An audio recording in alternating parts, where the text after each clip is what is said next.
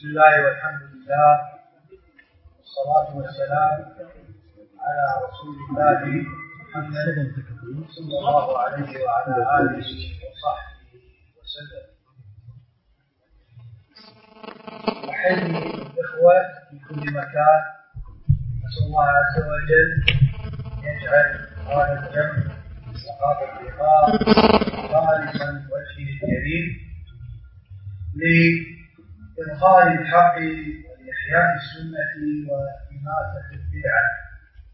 وكان الاختيار لهذه المحاضرة المعنونة للمعين الشيخ ربيع حفظه الله تعالى. وكان هذا العنوان آه اختيار مشايخ الفضلاء.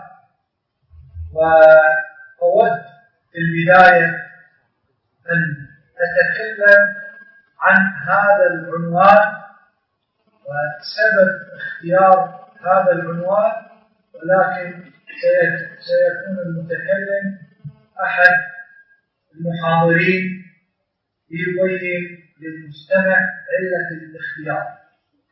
وأترك الميكروفون هنا الشيخ أحمد بازمون وليعرف لنا لماذا كان هذا العنوان بسم الله الرحمن الرحيم. إن الحمد لله نحمده ونستعينه ونستغفره ونعوذ بالله من شرور أنفسنا ومن سيئات أعمالنا. من يهده الله فلا مضل له ومن يضلل فلا هادي له. وأشهد أن لا إله إلا الله وحده لا شريك له. وأشهد أن محمدا عبده ورسوله. ألا وإن أصدق الكلام كلام الله وخير الهدى هدى محمد وشر الأمور محدثاتها وكل محدثة بدعة وكل بدعة ضلالة وكل ضلالة في النار. أما بعد فبيان سبب اختيار هذا الموضوع من جانبين. الجانب الأول بيان اختيار عنوان الموضوع من معين. ما المراد بالمعين؟ فقد كثر السؤال عن ذلك. فنقول كما قال أهل اللغة ماء معين أي ماء جاري. أي ماء يجري ليس براكد ولا مكدر. والماء الجاري يتصف بصفات منها صفاؤه ومنها نقاؤه وعدم الكدر فيه. وأيضا الماء الجاري قريب لمن يتطلبه ليس ببعيد. فلا غروا أن هذا العنوان فلا عجب أن هذا العنوان هو عنوان أصيل يدل على عمق في اختيار هذا الإمام الرباني رحمه الله حفظه الله تعالى. شيخنا الإمام ربيع بن هادي المدخلي حفظه الله تعالى. وأما الجانب الثاني لماذا نخص الربيع بمثل هذا العنوان؟ وهل في هذا تحزب للشيخ ربيع؟ فالجواب عن مثل هذا الكلام أن نقول أن السلف رحمة الله عليهم كانوا يرجعون لأهل العلم ويستفيدون منهم خاصة الكبار وكان الرجوع للعلماء الكبار سنة وهدي سلفي أصيل. فرط فيه من فرط فضل وانحرف ولم يوفق للصواب. وأما من رجع إلى العلماء الكبار والتف حولهم واهتدى بهداهم ممن هو مستقيم على المنهج السلفي الأصيل لا شك أنه على الحق بإذن الله تعالى. وأيضا السبب الثاني في اختيار هذا الموضوع من باب إظهار علم الشيخ حفظه الله تعالى. فالشيخ ربيع بن هادي المدخلي كما أثنى عليه العلماء أثنى عليه الشيخ بن باز والشيخ الألباني والشيخ بن عثيمين والشيخ النجمي والشيخ مقبل وجماعات رحم الله الأموات منهم وحفظ الأحياء فكلهم اتفقت كلمتهم على فضله وعلمه ومكانته وديانته وإمامته في هذا المجال في مجال السنة وحملها والدفاع عنها والذب عنها والرد على أهل الباطل. فلا عجب أن يكون هذا الإمام محطة للاستفادة من علمه وهديه حفظه الله تعالى. وأيضا نحن في هذه الكلمات وفي هذه الندوة. لا نذكر أمورا دنيوية إنما نستفيد من الشيخ من كلماته وتوجيهاته ودرره حفظه الله تعالى في بيان الحق ورد الباطل وفي بيان المنهج الذي يجب أن يسير عليه آه، السلفي الصادق. وأيضا بيان هذه الندوة لبيان مكانة هذا الرجل وفضله وجهاده في نصرة السنة وبيان أنه ممن نصرها وممن ذب عنها فهو يستحق أن يكون ممن يستفاد منه وممن ينصر ويذب عنه. وأيضا الشيخ ربيع بن هادي المدخلي مع مكانته وجهاده في سبيل الله عز وجل ونصرة السنة والذب عنها والرد على أهل الباطل إلا أنه حفظه الله تعالى من كل سوء لم يسلم من تشغيب المشغبين. ومن محاولة الطعن من الطاعنين. ويا للأسف ليس هذا من الحزبيين المبتدعين ولكن مما من البعض ممن قد يتسمى وقد ينتسب إلى المنهج السلفي. فكانت محاولة إسقاط هذا العالم وإظهار وإظهاره في مظهر أهل الباطل ديدنهم.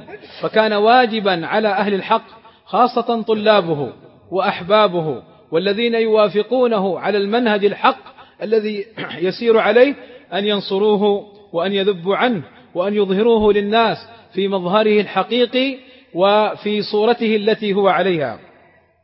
ثم أختم هذه الكلمة بسؤال بسؤال بسؤال عجيب غريب. حين طعن في الشيخ ربيع وحين قدح فيه وحين تكلم فيه وحين أوذي حفظه الله تعالى بالإيذاء الكبير بسبب ذبه عن دين الله ونصرته لسنة النبي صلى الله عليه وسلم ما فتحتم ولا سألتم سؤالا واحدا لماذا تطعنون في الربيع؟ وحين دفعنا عن الشيخ ربيع وبينا حق الحق الذي يسير عليه ونصرنا السنة التي ينصرها. سألتم وتعجبتم لماذا؟ هل هذه حزبية؟ هل ولماذا ربيع؟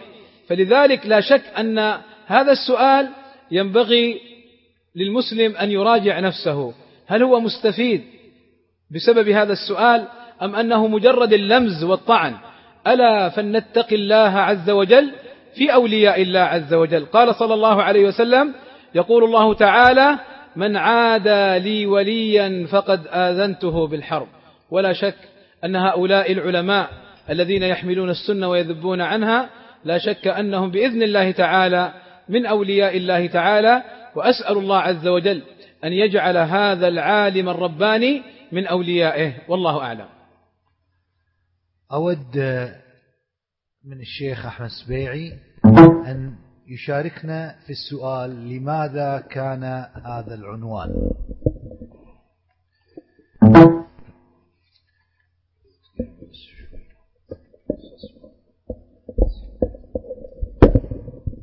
الحمد لله رب العالمين.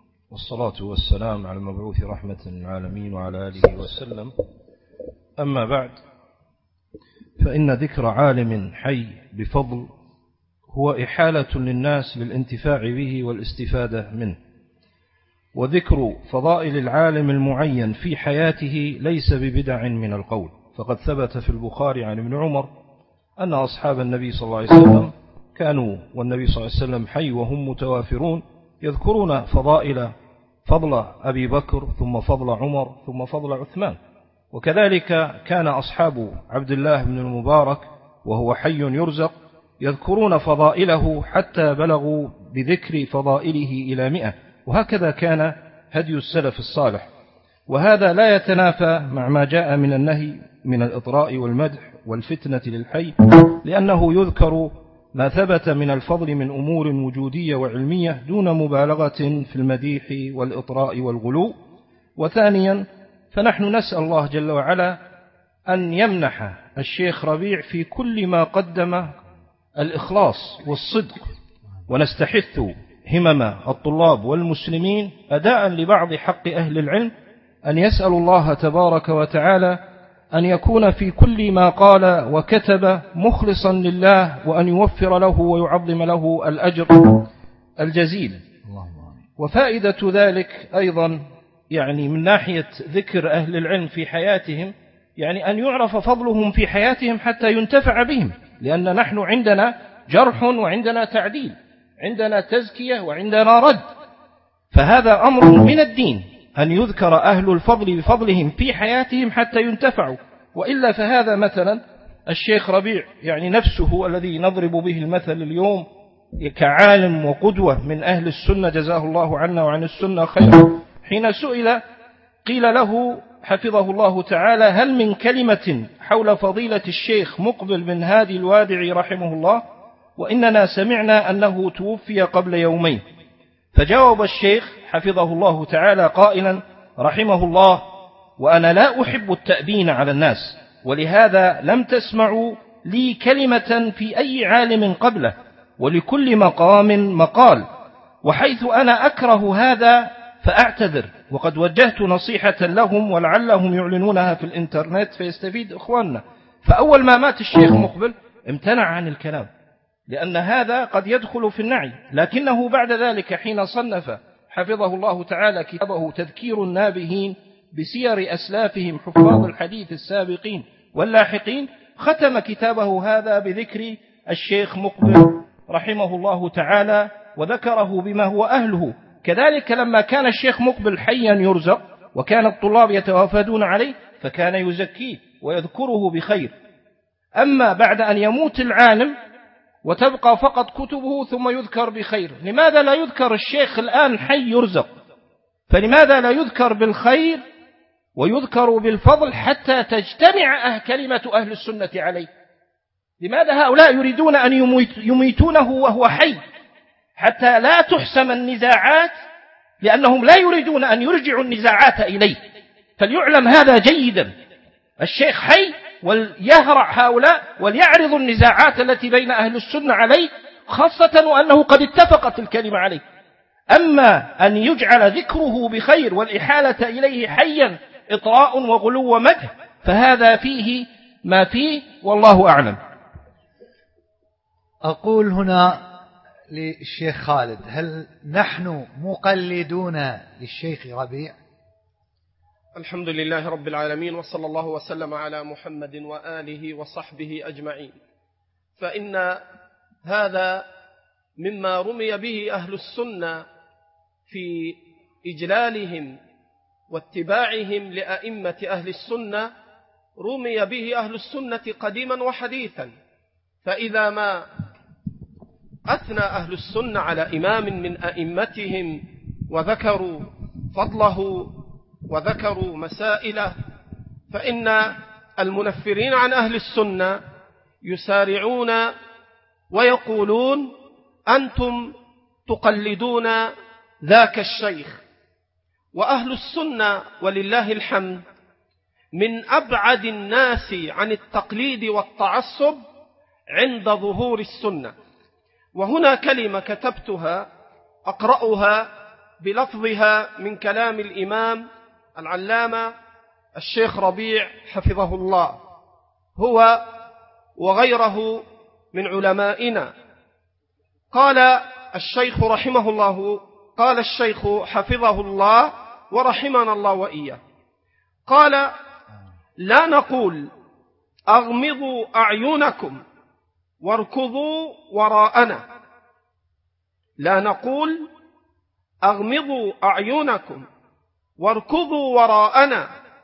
بل نقول ادرسوا بفهم وعقل ووعي وقارنوا بصدق وإخلاص. يقول لا نقول أغمضوا أعينكم واركضوا وراءنا. بل نقول ادرسوا بفهم وعقل ووعي وقارنوا بصدق وإخلاص. هذا هو المقصود. الصدق والإخلاص. ولا صدق ولا إخلاص إلا باتباع السنة. فالشيخ ربيع عالم من العلماء. يصيب ويخطئ. يرد ويرد عليه. وهذا أصل عند أهل السنة. ولكن ليس معنى عدم التقليد وعدم التعصب ليس معناه أن يهمل العلماء وأن لا يرجع إليهم وأن لا يعظم التعظيم الشرعي وأن لا يقدموا للأمة بل الأمة بلا علماء لا بد أن تغرق في ظلمات البدع والضلال. والله المستعان. يذكرني هذا القول بكلمة أقرأها للشيخ ربيع يقول أهل البدع أول ما يغتالون من الإنسان عقله. بالتالي أهل البدع يستهدفون من السني الابتعاد عن مشايخهم الأحياء. وهذه الطريقة في اغتيال عقل الشاب لصده عن علماء السنة. ومنهم الشيخ ربيع بن هادي. فلذلك فليحذر السني من هذا الكيد. وهنا أرى للشيخ أبو عبد الرحمن زيد الدوسري كلمة يكرمنا بها. الحمد لله رب العالمين الصلاة والسلام على عبده ورسوله محمد بن عبد الله وعلى آله وصحبه وموالاه فيسعدني ويسرني أن أشارك في هذه الندوة مع مشايخي وإخواني.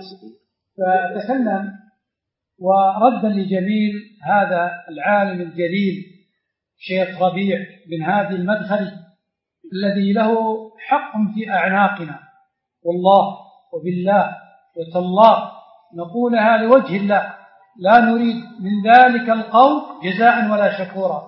وليس بيننا وبينه لا نسبا ولا ارتباط في دنيا نصيبها أو نريدها. بل له الحق بل ما فرق بين مذهب السرورية المذهب الخارجي الدخيل على الأمة والمنهج السلفي القويم إلا الشيخ ربيع. وقف وقفة أحمد في المحنة. فصمد بما معه من الحق المبين فتكلم بكلام الأئمة السابقين وكل ما طلت على الأمة فتنة بقرنها تصدى لها الشيخ ربيع فكسرها فالسرورية والقطبية والحدادية والجماعات والتراث وعبد الرحمن عبد الخالق وأبو الحسن وعلي حسن والرحيلي إبراهيم وأهل مجرة. فالشيخ ربيع له من الكلمات النيرات. يقول حفظه الله من مقومات العلم عدم العمل بما تعلمت فعلينا أيها الطالب العمل بما تعلمناه. فالعلم الصحيح هو الذي يزكي النفس وهذا من منطلق قول الله عز وجل قد أفلح من زكاها. وقد خاب من دساها. قال كيف تزكى نفسا لا تعمل؟ فالعمل هذا هو المطلوب في دين الله عز وجل. فلا يكون العبد المسلم كأهل الكتاب.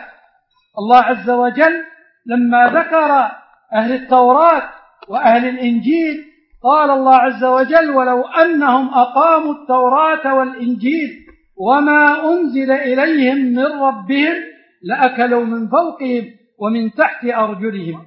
يعني لو أنهم فهموها وقاموا بها وعملوا بها بالعمل والعلم العلم النافع والعمل الصالح فالعلم والعمل الصالح يجمع الإسلام كله.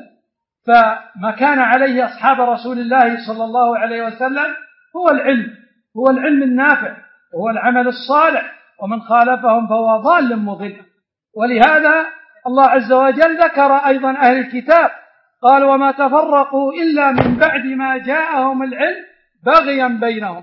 قال ابن القيم عليه رحمة الله هذا هو داء أهل البدع والأهواء فرقوا الأمة بغيا وعدوانا بعدما جاءهم العلم وذلك في الصواعق المرسلة وكذلك مفتاح دار السعادة. والبخاري بوب عليه رحمة الله قال باب العلم قبل القول والعمل.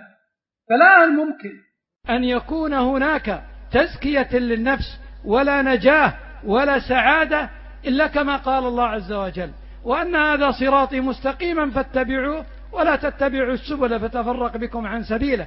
ذلكم وصاكم به لعلكم تتقون. فالثمرة هي التقوى. فالتقوى لا تكون إلا بالعلم والعمل الصالح. وقال ابن رجب عليه رحمة الله فإن الإخلال بشيء من هذه إخلالا بتوحيد الله وخروج عن الاستقامة على منهج الله عز وجل فيجب أن نصحح عقائدنا وأن نصلح قلوبنا وجوارحنا بالعلم والعمل الصالح الذي هو معنى الاستقامة. فيجب أن نستقيم على منهج الله عز وجل. ولهذا قال الله عز وجل يأمرنا بالعمل ويأمرنا بالعلم والعصر إن الإنسان لفي خسر إلا الذين آمنوا وعملوا الصالحات وتواصوا بالحق وتواصوا بالصبر. هذا والله أعلم. جزاك الله خير. آه الكلمة الآن للشيخ عادل حفظه الله. أود أن يتكلم الشيخ عادل عن الحكمة في الدعوة من كلام الشيخ.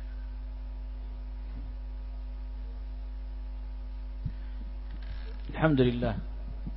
صلى الله وسلم وبارك على عبده ورسوله محمد وعلى آله وصحبه ومن اهتدى بهداه. أما بعد لما كان الشيخ العلامة ربيع بن هادي المدخلي حفظه الله وختم الله لنا وله ولكم بكل خير حامل راية وصاحب لواء وداعية السنة وإماما فرقانيا في التفريق بين الحق والباطل مقتديا بما كان عليه سلف هذه الأمة وما سبقه فيه في هذا المضمار من الأئمة وعلماء الأمة ومجدديها وكان داعية إلى الله على بصيرة وقد سمع قول ربه عز وجل وتلا قول الله عز وجل ادع إلى سبيل ربك بالحكمة والموعظة الحسنة وجادلهم بالتي هي أحسن.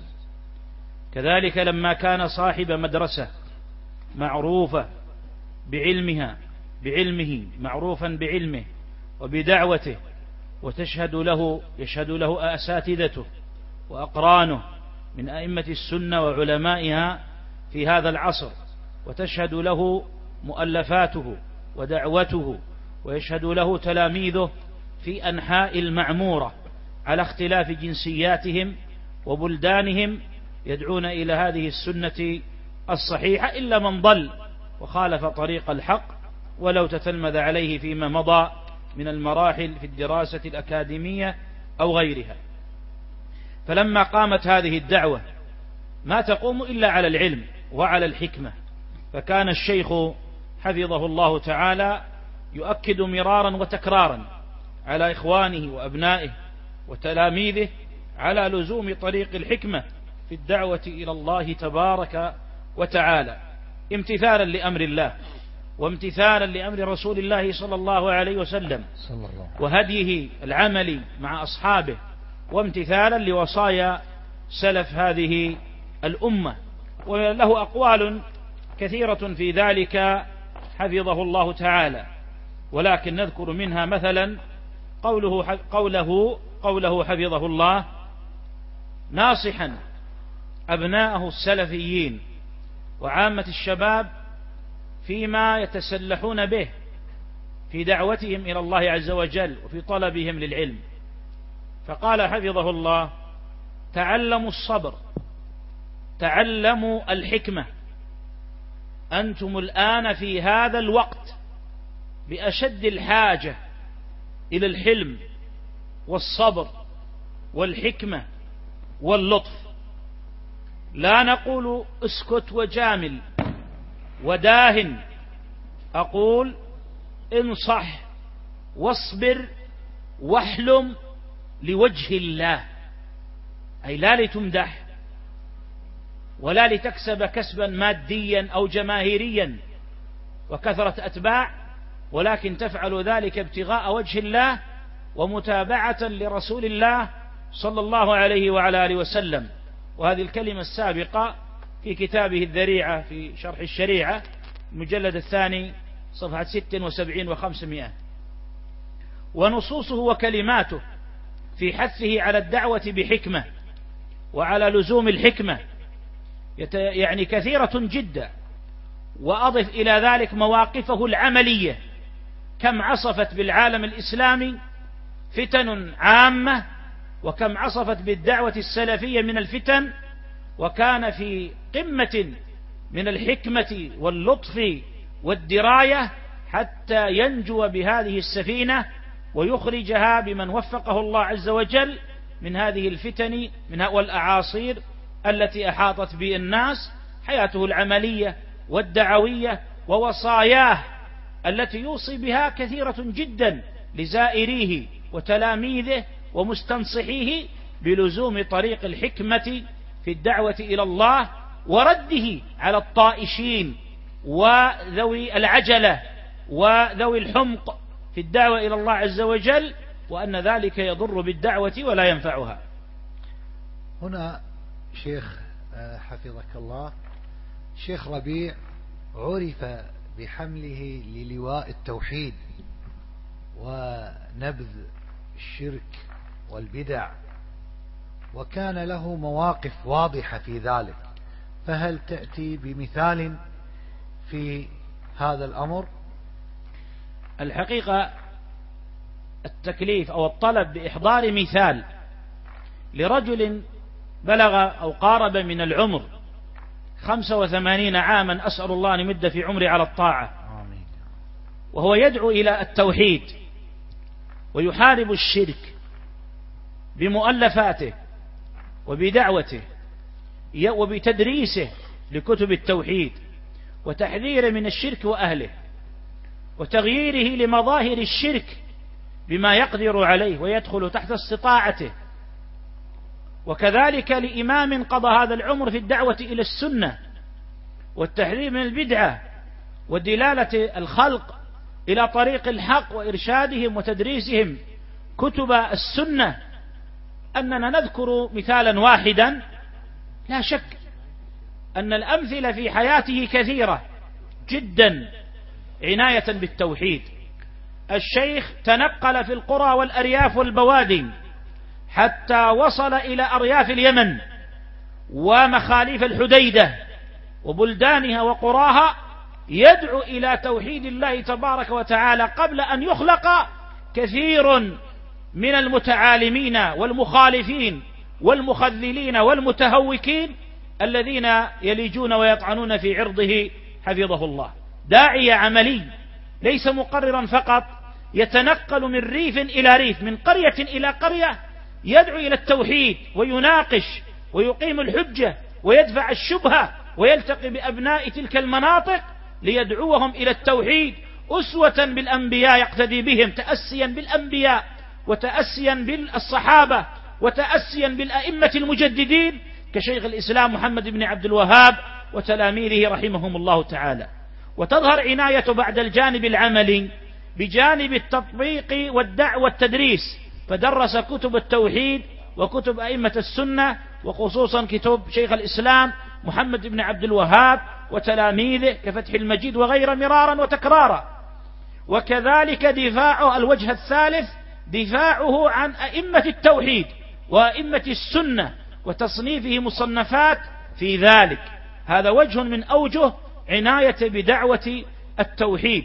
ولا تكاد تسمع له محاضرة ولا نصيحة. ولا لقاء مختصرا أو مطولا إلا وتجد فيه الوصية بالتوحيد بحرارة وبنص شفقة وبرحمة وبعلم يحث الناس على العناية بالتوحيد. أوليس هو القائل؟ حفظه الله ومتع به. والله لا قيمة للفقه ولا لغيره. إذا ضيعنا العقيدة وضيعنا التو... التو... إذا ضيعنا العقيدة وضيعنا التوحيد ووقعنا في الشرك بالله لا فائدة لأي علم أبدا. ولو حفظنا القرآن وحفظنا الحديث وحفظنا كتب الفقه ونحن واقعون في ظلمات الشرك لا قيمة لنا ولن نستفيد من هذا العلم. انظر إلى هذه الكلمات وما تحمله من النصح والشفقة والبيان. لو حفظنا القرآن وحفظنا الحديث وحفظنا كتب الفقه كلها ونحن واقعون في ظلمات الشرك لا قيمة لنا ولن نستفيد من هذا العلم. كما في كتابه مرحبا يا طالب العلم في صفحة 111 فهذا من مئات كلمات. والآخذ موقفا عمليا واحدا في باب التوحيد. طبعت كما تعلمون أو كما يعلم من علم منكم طبعت رسالة لإمام من أئمة التوحيد وداعية من, من دعاة التجديد ومحاربة الشرك والبدعة ألا وهو أبو العباس شيخ الإسلام أحمد بن عبد الحليم بن تيمية رحمه الله. وهذا الكتاب كتاب ألف في نصرة التوحيد وقطع وسائل الشرك والرد على أهل البدع وهو كتاب قاعدة جليلة في التوسل والوسيلة. لأن من أعظم شبهات أهل الشرك وتلبيسهم تسميتهم شركهم بالصالحين وعبادتهم غير الله يسمونها توسلا. فكشف شيخ الإسلام في هذا الكتاب أباطيلهم وزيفهم. طبع الكتاب من طبعه. أكاديميون ومحققون. طبع بعناية عطية سالم. وطبع بعناية عبد القادر الأرنؤوط وكان يوزع في الهيئات واللجان الرسمية والطبعات الخيرية ويتداول في أيدي الناس حتى وقع في يد هذا العالم الجهبذ المعتني عناية فائقة بالتوحيد ودقائقه ومسائله على نهج الأئمة. فلما قرأه وجد عبارة شركية تنسب لشيخ الإسلام ابن تيمية. بل وتناقلها أناس من كتب ابن تيمية إلى كتب أخرى ورسائل أخرى توجيهية دون أن يتفطنوا لهذا الخلل. فهذه العبارة وجدها الشيخ في المطبوعة المتداولة عبارة شركية. فقال الشيخ لا يمكن أن يقول ابن تيمية هذا. ابن تيمية داعية التوحيد وقضى حياته بالدعوة إلى التوحيد وهذه الرسالة تنسب إليه وتنشر. وفي هذه العبارة الشركية. ألا وهي قولهم في هذه المطبوعة؟ والرغبة إلى الله ورسوله. وتعلمون أن الرغبة عبادة. فإذا فرغت فانصب. وإلى ربك فارغب. فالرغبة عبادة. وصرف العبادة لغير الله شرك أكبر. ولا يجوز أن يقال الرغبة إلى الله وإلى رسوله. فماذا صنع بحث عن المطبوعات وجدها على هذا الخطأ. انتقل إلى البحث عن المخطوطات وهنا يتجلى لنا صورة عظيمة من صور التعاون والتآزر والتعاضد على نصرة التوحيد ودلالة على قوة العلاقة ومتانتها بين إمام أهل السنة الإمام عبد العزيز بن عبد الله بن باز وبين العلامة الكبير ربيع بن هادي المدخلي فيكتب إلى الشيخ بن باز ويخبره بهذا الخطأ الفادح في هذه المطبوعة التي توزع خيريا على المسلمين وتباع تجاريا. وطلب منه أن يساعده في الحصول على المخطوطة. فسعى الشيخ ابن باز تعاونا منه مع العلامة الشيخ ربيع وصور التعاون والتناصر بين الشيخين بين الشيخ ابن باز والشيخ ربيع مثبتة واضحة جلية في نصرة السنة. من ذلك محاضرة للشيخ في الدعوة إلى السنة ومنهج السلفين والتحذير من الجماعات وغزوها للجامعات وللكليات وللمدارس والمساجد وكانت بتعقيب الشيخ وثنائه عليه وتصديقه فيما قال.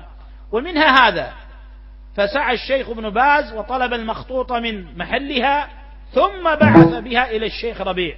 فيقول أول ما وصلتني المخطوطة اتجهت إلى ذلك الموضع الذي فيه الكلمة لأتأكد منها في المخطوطة فوجدت ما يصدق ظني في شيخ الإسلام ابن تيمية وأنه لا يقول هذه العبارة وصواب العبارة في المخطوطة والرغبة إلى الله وسؤاله أي سؤال الله تبارك وتعالى. فكانت هذه اللفظة وهذه الحادثة سببا لأن يعمل الشيخ على تحقيق ذلكم الكتاب الجليل وهو قاعدة جليلة وقد أشار إلى سبب عمله وتكرر هذا الخطأ في مقدمة تحقيقه. حفظه الله من أول صفحة ستة إلى صفحة التاسعة وذكر كل ما يتعلق بهذا الأمر أو ما بعدها. فهذا يدلك على عنايته بالتوحيد وعلى تعاونه مع إمام من أئمة ودعاة التوحيد في هذا العصر. شيخ أحمد ممكن تكرمنا؟ شيخ أحمد بازمول ممكن تكرمنا ب يعني بيان الشيخ في محاضراته وكتاباته لتمايز السني عن غيره من أبناء الجماعات الخلفية. نعم. بسم الله الرحمن الرحيم. لا شك أن التمايز بين الحق والباطل والفرقان بين الهدى والضلال لا شك أنه سمة وعلامة لأهل الحق.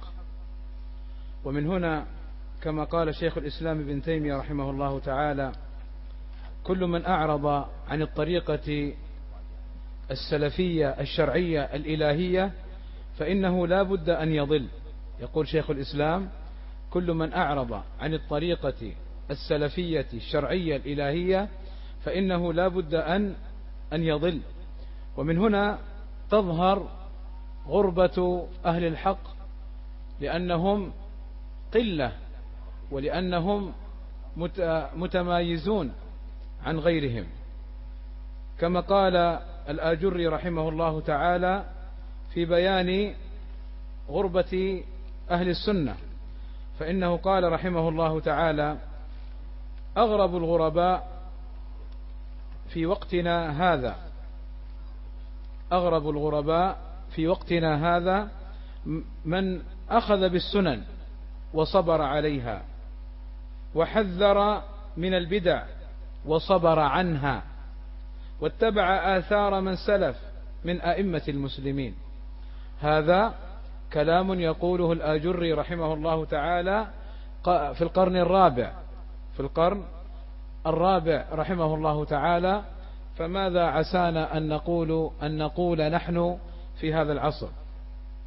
والشيخ ربيع المدخل حفظه الله تعالى دقيق عميق في هذا الباب. قد آتاه الله عز وجل من الحكمة والفراسة والعلم ما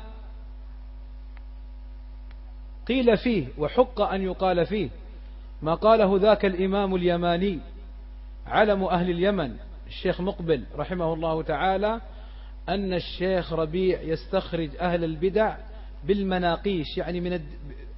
يعني من دقتهم وخفائهم مع دقتهم وخفائهم يستخرجهم. حفظه الله تعالى وسدده ووفقه وبارك في عمره وعمله. قال حفظه الله تعالى تغيرت الحياة وصار الإسلام في غاية الغربة والسنة في غربة أشد. وجه كلام الشيخ حفظه الله تعالى أن من انفتح مع كل الناس وأعطى وجهه لكل الناس لم يميز بين الحق والباطل. ولذلك كما قال بعض أهل العلم من كان مقبولا عند الجميع فإنه مضيع للحق لا يقيم الحق. قال الشيخ أيضا حفظه الله تعالى مبينا التمايز قال للسلفية رجالها والحمد لله لا يضطربون ولا يخلطون ولا تختلط عليهم الأمور. فالمنهج السلفي له رجال ليس كل من ادعى أنه سلفي هو حامل للمنهج السلفي. فكم من إنسان كما قال الشيخ ربيع نفسه حفظه الله تعالى كم من إنسان يزعم أنه سلفي وهو في حقيقة أمره حرب وعدو للسلفية وأهلها. قال حفظه الله تعالى لا يستقيم الإسلام لا يستقيم الإسلام أبدا إلا بإقامة الحق وتوضيحه ونقد الباطل وبيان خبثه والتحذير منه ومن أهله وهذا هو التمايز. هذا هو عين التمايز. كم نسمع من دعوات؟ اسكتوا فرقتم الناس ما تركتم أحدا إلا طعنتم فيه. أنتم وأنتم وأنتم يريدون أن يسكتوا الحق لا يريدون هذا التمايز. لا يريدون هذا التمايز. وإن هؤلاء الذين يدافعون عن أهل البدع كما سبق لو طعن في أهل السنة السلفيين الصادقين إن لم يعينوهم في الطعن فرحوا بطعن أولئك. ولا شك أن هذا من الخذلان. ومن هنا الشيخ حفظه الله تعالى يوجه خطابا لكل سلفي صادق إن كان صادقا. لأن الدعوة تحتاج إلى دليل وبرهان. ومن هنا كان من السلفيين من كان خالصا صادقا ومن كان من خلص السلفيين. أما الذي لا يعرف أن يقيم لدعواه حجة فإنه يتساءل ويستهزئ. سلفيون خلص. ما معنى خلص؟ أنت ما تعرف رأسك من رجولك حتى تميز بين الحق والباطل وتميز بين الخلص وبين غيرهم. ثم تعيب. وأمثال هؤلاء نقول له اسمع كلام الشيخ حفظه الله تعالى. أنت تكثر سواد أهل الضلال إذا كنت تراهم وتسكت عنهم. أنت مؤيد ومشجع لهم إذا كنت تراهم يعينون يعيثون في الأرض فسادا وتسكت. إذا هذا مجرد السكوت. فكيف بمن يدافع عنهم؟ فكيف بمن يسوغ ويجوز لباطلهم؟ فكيف بمن يطعن في أهل الحق الذين يحذرون من هذا الباطل؟ ولذلك لا شك أن هذا من الخذلان. ومن هنا قال الشيخ حفظه الله تعالى مبينا لكل سلف المسؤولية العظيمة التي تحملها. قال حفظه الله حمل العلم مسؤولية عظيمة ليست للاسترزاق والحصول على وظائف. إنما وأيضا أنا أقول وليست للوجاهة وليست لطلب محمد الناس وثنائهم ورضاهم. فإذا حملت العلم ينبغي أن تتميز. قال إنما أنت تحملت وراثة الأنبياء فوجب عليك أن تخلفهم في هذه الوظيفة. وكما قال ورق بن نوفل للنبي صلى الله عليه وسلم ليتني كنت جذعا حين يخرجك قومك. فقال له النبي صلى الله عليه وسلم أو مخرجيهم؟ استعجب. أنا آتيهم بالخير آتيهم بالنور لماذا يخرجوني؟ لماذا يرفضوني؟ فقال له ورقة إنه لم يأتي أحد بمثل ما جئت به إلا عودي. قال أهل العلم كلما كان الإنسان للسنة أشد تمسكا كلما كثر أعداؤه وكلما كثرت كثر مخالفوه. فقال الشيخ أيضا حفظه الله تعالى مبينا هذا التمايز. قال السلف الممي... قال السلف المزيف انظر حفظك الله ماذا يقول الشيخ؟ ورع لها سمعك. يقول السلف المزيف تظهره الفتن وتكشف حقيقته وتكشف زيفه. فإذا تبين بطلان بعض أهل الباطل لم يرضى الطعن فيهم ويظل يدافع عنهم مع ظهور مخالفتهم للحق. قال والسلفي المزيف تظهره الفتن وتكشف حقيقته وتكشف زيفه. فكونوا شهداء فكونوا شهداء لله ولو على أنفسكم أو الوالدين أو الأقربين. أبو دا أبو دا بعض أهل العلم تكلم في أبيه وبعض أهل العلم تكلم في ابنه وحذر منه. قال لا تأخذ منه العلم كما تكلم أبو داود في ابنه وكما تكلم فيما أذكر ابن المديني في أبيه. فإنهم حذروا لله عز وجل. فإنهم حذروا لله. ومن هنا بين الشيخ ربيع عاقبة هؤلاء المزيفين. قال حفظه الله الغالب على هؤلاء الذين يخالطون أهل البدع أن, أن تنتكس قلوبهم. أن تنتكس قلوبهم. فيرون الحق باطلا والباطل حقا.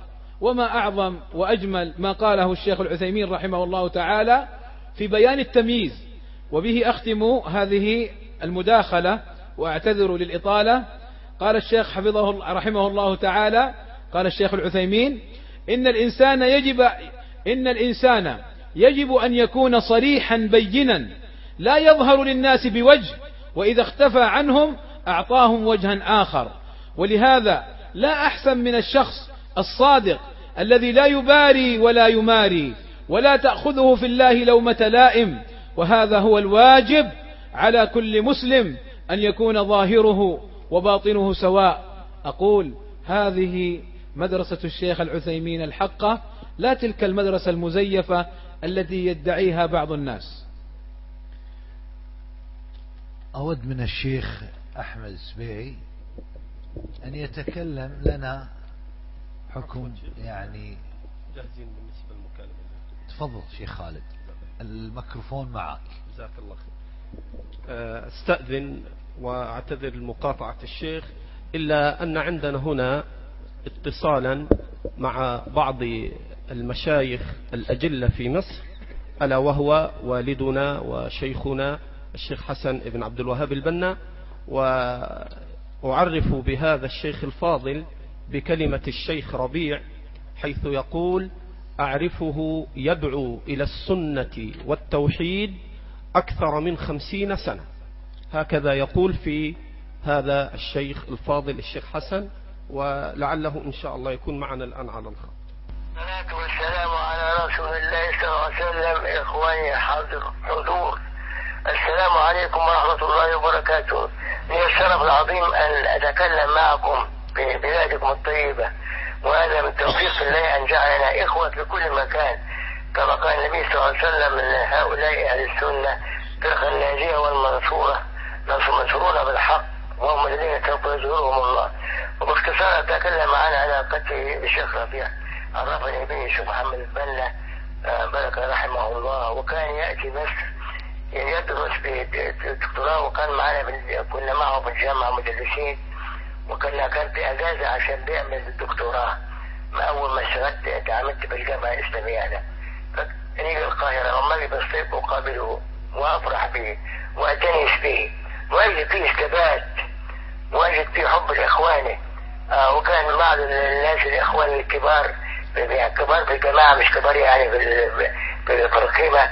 آه حاولوا استدراجه وهو والشيخ محمد أمان الجامي ربنا نجاهما من هذا الاستدراج كان يلتفوا حوله كطريقتهم ويحاولوا أن يكون معهم.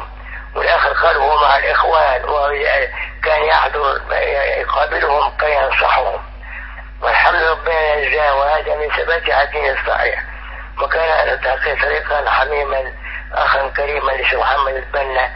وكان يروح بيته ونطرح به والشيخ محمد يوما ما أعجب بمجالس التوحيد. لأنصار السنة وأنا كنت مش موافق معه على هذا لأن أنا جالس في نفسه وأعرف الشيخ صفوت والشوافي الذين كانوا يمسكون بزمام الجماعة. وعارف أعرف عنهم أنهم ليسوا على التوحيد الخالص شو محمد البنا خد بكلامي من أنه لا ليس مقيم في القاهرة بيجي بالصيف فقط. فبعد ما الشيخ ربيع زعل تأثر بذلك وغير حسن لا الشيخ محمد اتركه أن أتفاهم معه. حتى ربنا سبحانه وتعالى وفقه ورشده. وكان يعزمنا عند الشيخ ربيع والشيخ محمد يدعوه في في في في, في, في بيته. وكنا لما في المدينة كان الشيخ ربيع يدعونا عنده. وكنا في مكة في, في كنا في مكة في أحيانا في في في, في الاعتكاف في رمضان يأتي لنا بالطعام من بيت في مكة. وكان ساعتها يدرس في, في الأزهر أو في الدكتوراه هنا. وهكذا. كل هذه الأمور العظيمة دعتنا أن نتعلق به كأستاذ كريم معلم مرشد منبه يعرفنا العلم الصحيح وفقنا العلم النافع والعمل الصالح ويوفقنا ربنا إلى العقيدة الصحيحة الصحيح وهو ثابت بالزاحة والتعديل. وفي أول أمر ما كان جهر بذلك على الناس قاموا ضده كلهم كانوا ضده. وكانوا يرمونه بالكبائر بالعذاب. ولكن الله نصره ويكفينا تزكية الشيخ يعني تعريف به. لا نقول تكراه الله ليزكي انما تعريف الشيخ ابن باز والشيخ الألباني والشيخ ابن عثيمين بالشيخ ربيع وأنه هو يمثل أحد المعين في هذا الوقت. لأنه يظهر الدين على حقيقته ويصدق الدين كما قال الألباني رحمه الله من شيء يلزمنا عاملين من شيء من من أمور الدين تلزمنا حتى يصلح له شأن فرد الأسرة المجتمع والتصفية والتربية. تصفية الدين من ما علق به من خرافات وأشياء دخيلة آه، يعني جعلته غير صحيح وأصبح مخلوطا ملبس الحق به الحق بالباطل عند أهل الباطل. وثم بعد ذلك التربية على أساس الدين الصحيح. وهذه كل الأمور العظيمة أنا تمستها به وأنا بفضل الله بتوكل على الله وكل ما أسمع سيرته أو أتكلم معه إذا كان جالي فرصة أو أزوره في العمرة وأقرأ كتبه كل ما ازداد تعلق بهذا العلم العظيم وأفرح بالشيخ ربيع وأمثاله إخوانه طلبته وإخوانه في كل مكان. ولا كذلك أثني بفضل الله على على إخواننا السلفيين في في الكويت. آه، بأسمائهم الشيخ العنقري والشيخ زفيري وأبو أحمد الشيخ أبو أحمد وغيره من المشايخ أنا بنسى الأسماء. منصور. وكل هؤلاء وجزاكم الله خيرا وشكر الله لكم. أسأل ربي الثبات على الدين الصحيح. واشغل نفسي وإخواني بالثبات على الدين الصحيح. ودعوة الله سبحانه وتعالى أن يجعل لنا مخرجا من هذه الكربات ويصلح بلادنا وبلاد المسلمين ويصفيها من البدع ومن الدخلاء من الذين يعيشون في فسادا في العقيدة والمنهج. والله موفق ونستعان ونستعان الله خيرا كبرساء المسلمين. والصلاة والسلام على رسول الله صلى الله عليه وسلم. جزاك الله خير. جزاك الله. جزاك الله خيرا وأثابك الله. وإن شاء الله بعد المحاضرة أكلم حضرتك بإذن الله. حي الله شيخنا حي الله شيخنا السلام عليك ورحمة الله وبركاته.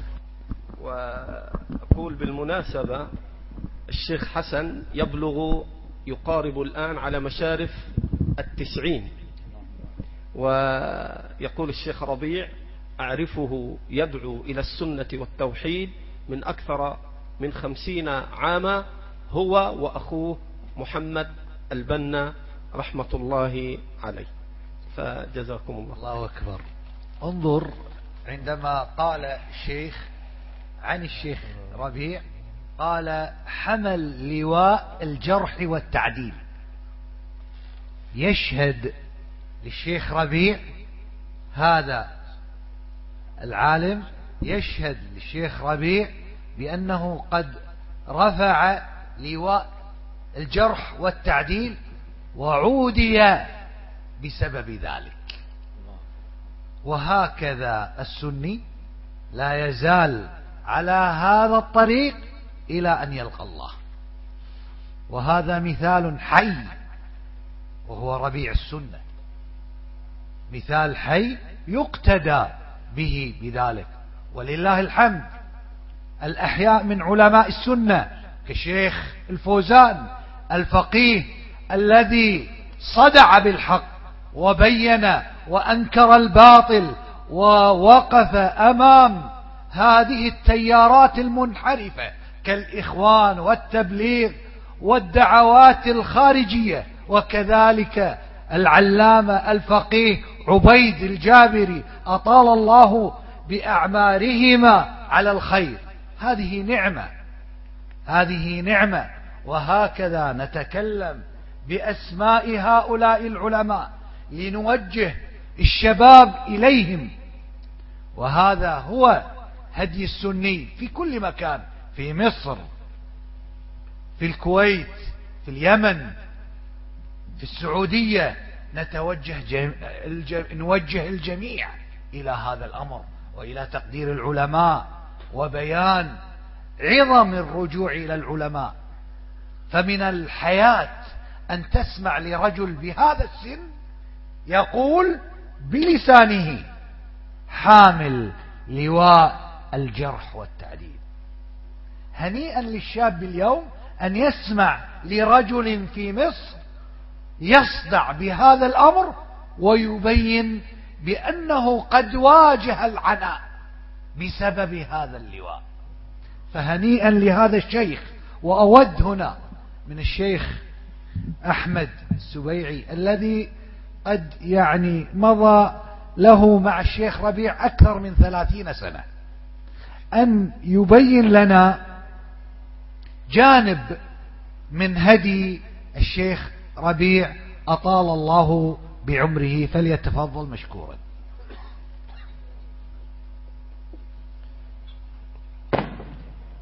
يعني أحب أن أعرج على جانب فيما يتعلق بالوالد الشيخ ربيع حفظه الله تعالى قد لا يكون من معينه الذي لا ينضب إن شاء الله من كتاباته وأشرطته ونحو ذلك ولكن هناك جوانب ثلاثة في من الفائدة فيما يتعلق بهذا الشيخ الجليل حفظه الله تعالى.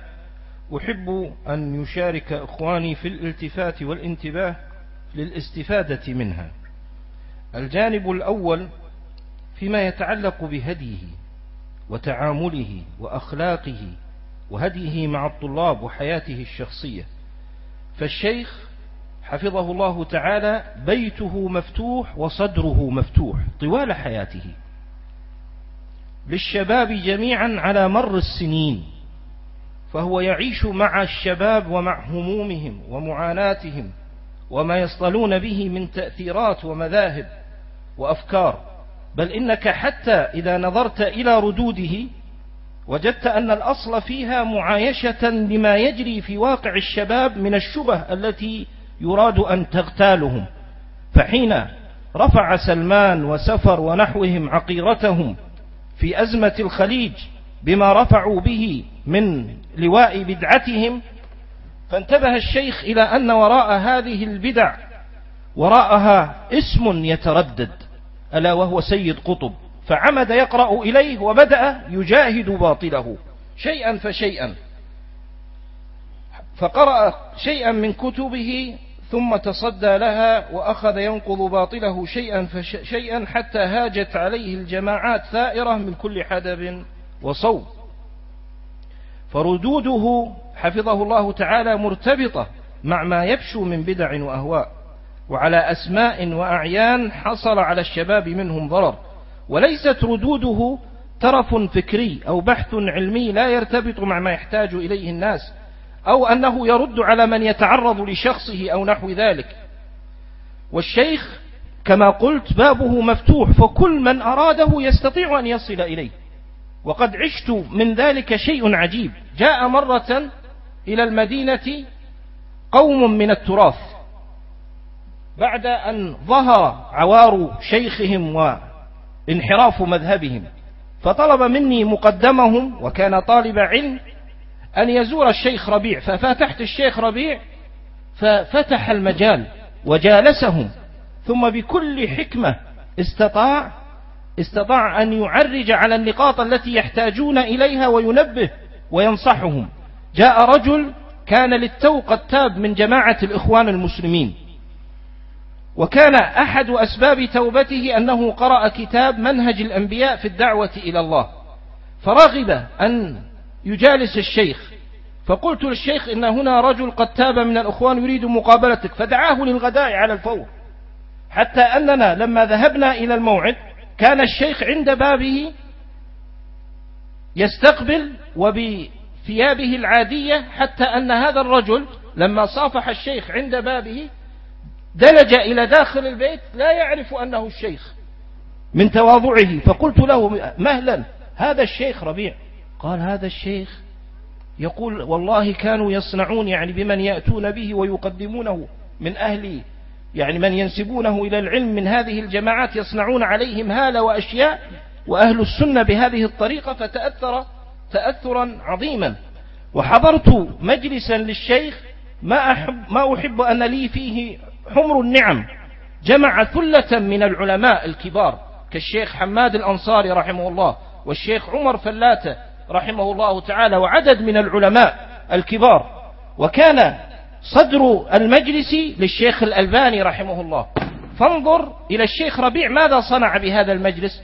لم يترك هذا المجلس يمضي بين الطعام والشراب ونحو ذلك لكنه عمد إلى أن يسأل سؤالا. فقال الشيخ حفظه الله تعالى قرأت في طبقات الشافعية للسبكي أن كل معجزة لنبي يصح أن تكون كرامة لولي. فهل هذا القول عند الصوفية على إطلاقه؟ وطرح السؤال.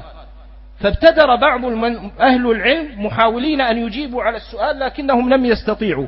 فانطلق الألباني رحمه الله فقال نعم فإنه قد جاء في طبقات الشعران الكبرى أن رجلا من أولياء الصوفية دخل على ولي فوجده يقرأ قرآنا غير الذي أنزل على محمد. فأظهر الشيخ بذكائه وبحكمته فضل الألباني رحمه الله في هذا المجلس. حفظه الله تعالى. وفي الجعبة بقية وإن أتيحت لي يعني فرصة أخرى وأكرم. تفضل تفضل شيخ. الشيخ ربيع حفظه الله تعالى أحب صحيح الإمام مسلم وحبب طلاب العلم كلهم في هذا الكتاب وكان بينه وبين هذا الكتاب علاقة عجيبة من الحب دون سائر كتب وإن كان هو ولا شك كما سيأتي بيانه متبحرا في كل كتب الحديث والسنة. لكنه له أسلوب عجيب حين يدرس فلم يكن درسه بذاك الدرس الذي يجعلك تنشغل بأن يسرد على ذهنك بعض المعلومات التي يحضرها فقط. وإنما كان يربط الطالب بسائر يبين للطالب أن العلم أمر تترابط أجزاؤه بين العقيدة والحديث والفقه والسلوك والعمل وغير ذلك. حتى أننا كنا مرة نقرأ عليه في صحيح الإمام مسلم في كتاب الإيمان فكان ينقل لنا الفوائد في الأسباب التي يبذلها المسلم حتى ينال حب الله عز وجل وينقلها من مدارج السالكين للإمام ابن القيم رحمه الله تعالى. فهكذا كان الشيخ رحمه الله تعالى له هذه الخصيصة. حفظه الله تبارك وتعالى من أنه إذا جاء في دروسه يلقن الطلاب النقول بالصفحات عن كتب أهل العلم. وكان يعني حفظه الله تعالى دائما تسمعه إذا سئل عن شيء قال نبحث. هذه عنده مثل شربة الماء. حتى من يحتك به يتدرب على البحث ويحب البحث. فما كان يحب أن يجيب على شيء إلا ويكون وراءه بحث. وكان يكل إلى الطلاب يكل إلى الطلاب شيء من البحوث حتى ينهض همتهم. وغير ذلك مما سيأتي ذكره إن شاء الله تعالى. جيد. هنا أود أن أقول للشيخ زيد هل للشيخ ربيع غاية؟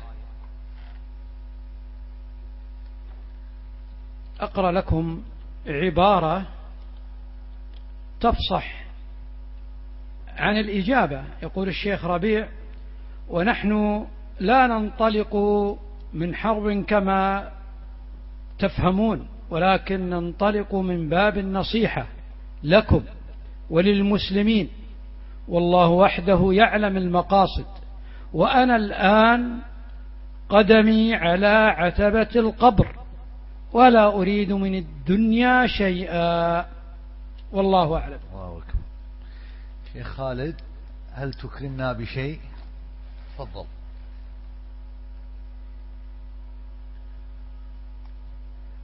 الشيخ ربيع فيما يتعلق بغايته ومقصوده فكان الشيخ ابن باز رحمه الله يدعوه إلى حضور مجلس هيئة كبار العلماء. وكان يحضره الشيخ ابن باز رحمه الله مع أنه لم يكن رسميا من هيئة كبار العلماء كأمر رسمي ولكن كان يحضره ويسمع منه وكان يستشيره في أقوام يغيب حالهم عن علم الإمام ابن باز ثم يطلب من الشيخ أن يبين له ما أحاط علمه بهؤلاء.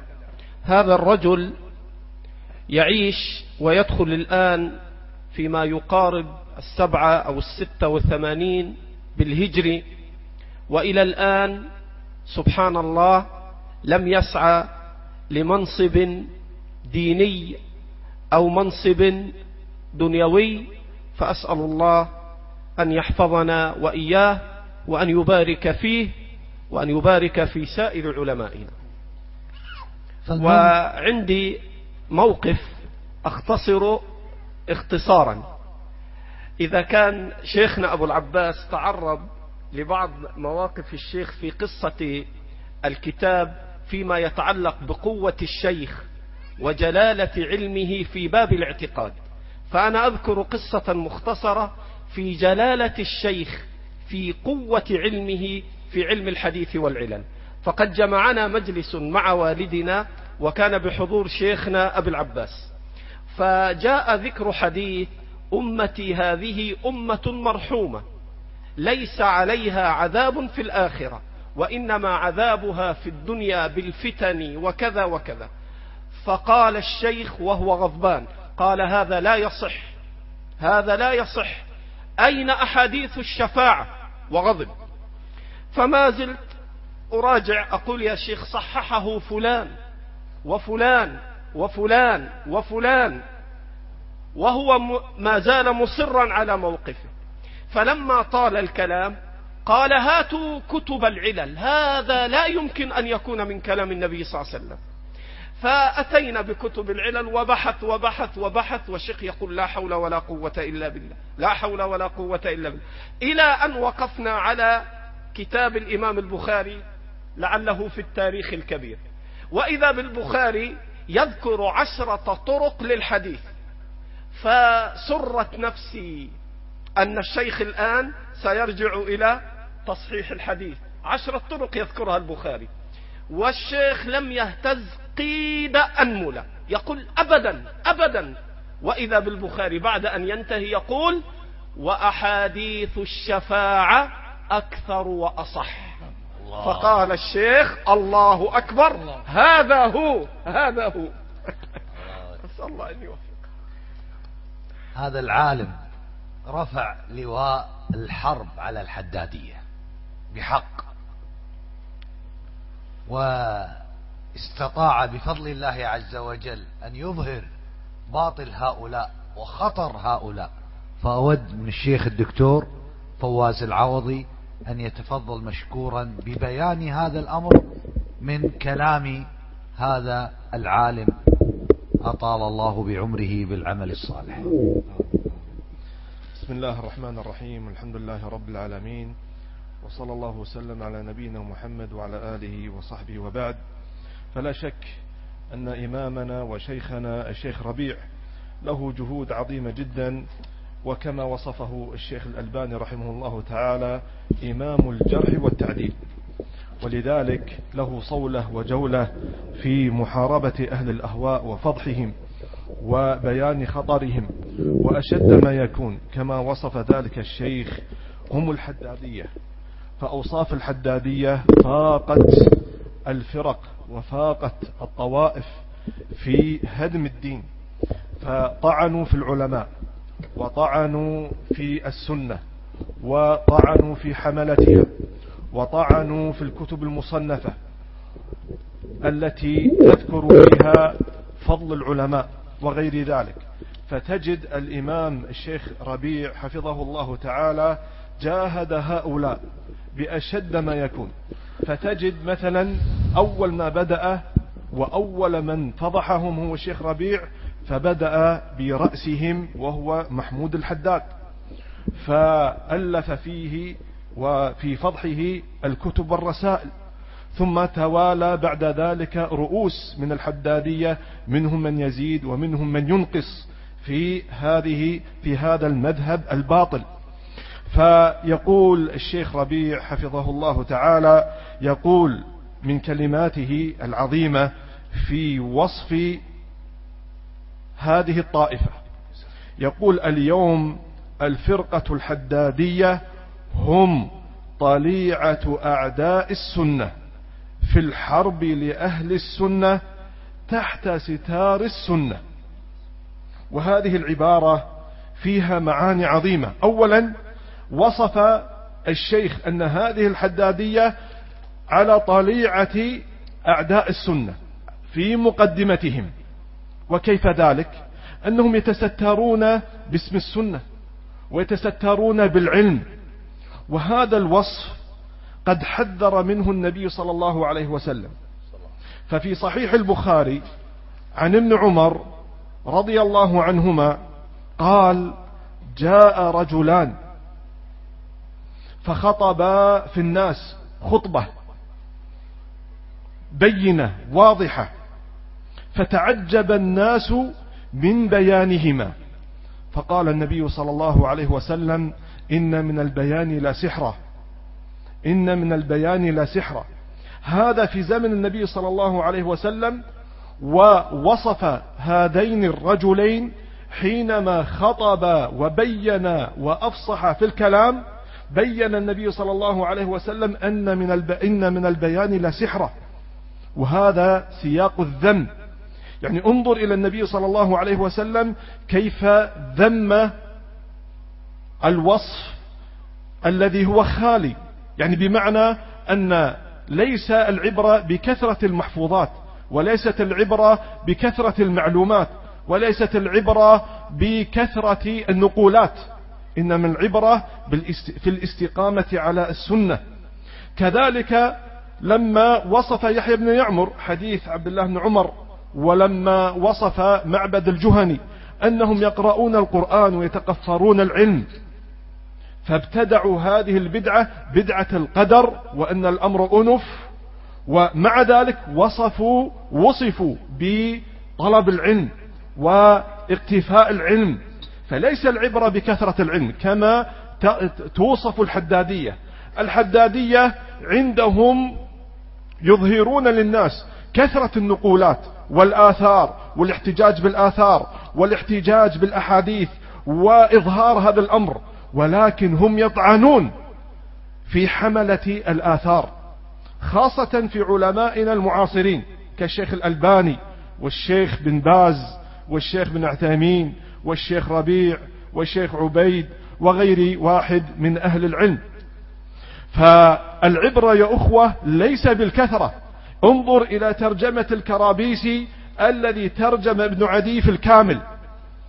لما ذكر قال الكرابيسي علمه كثير وأبو ثور لا يصل عشر معشار الكرابيسي ولكن رفع الله أبا ثور بالسنة وأسقط وسقط الكرابيسي بسبب بدعته. فالحدادية هم طليعة أعداء السنة يتسترون بالآثار. فانتبه ليس الكثرة بالآثار إنما العبرة بالاستقامة على السنة ومدح العلماء وحملتها. فهم هؤلاء حقيقة يجب الحذر منهم والتحذير منهم لأنهم يندسون تحت شعار السنة. كذلك يقول الشيخ ربيع حفظه الله تعالى يقول أهل البدع لا يسكتون عن أهل السنة.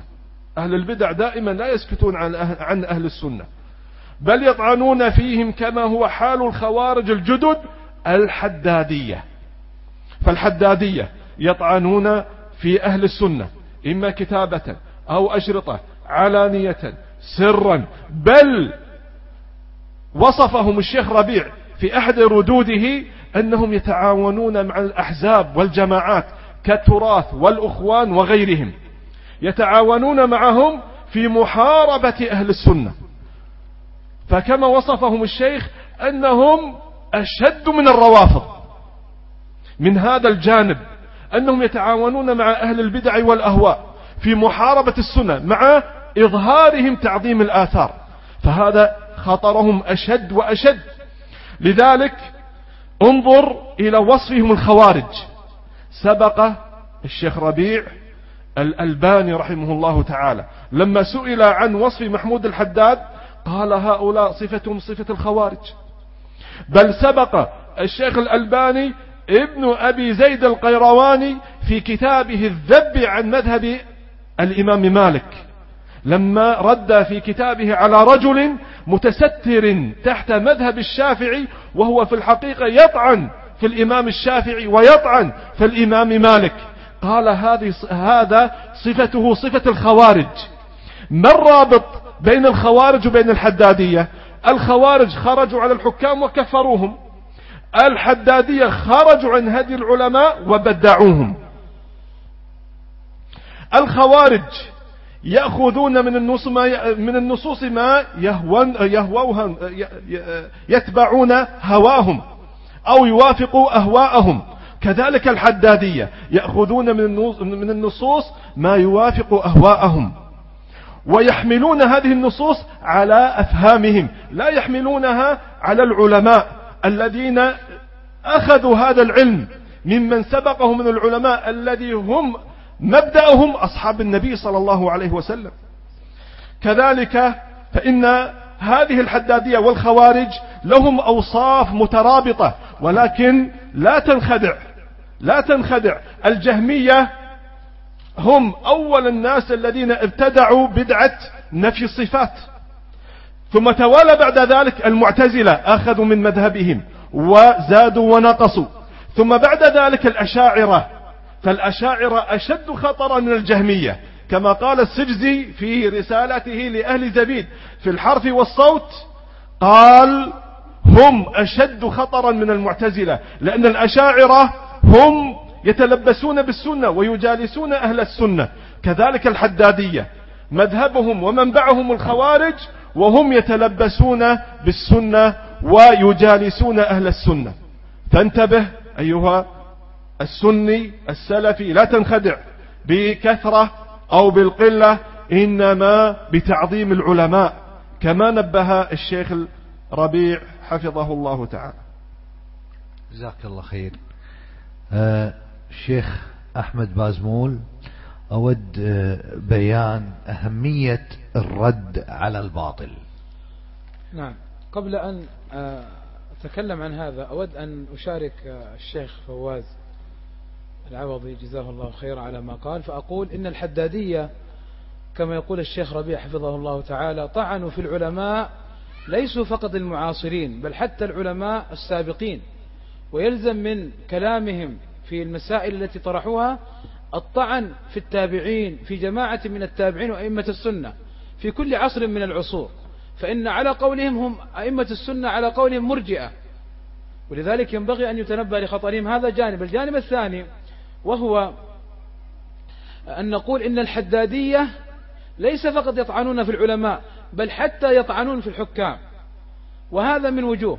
الوجه الأول بعض الحدادية لهم تعاون مع الدواعش وينصرونهم ويثنون عليهم.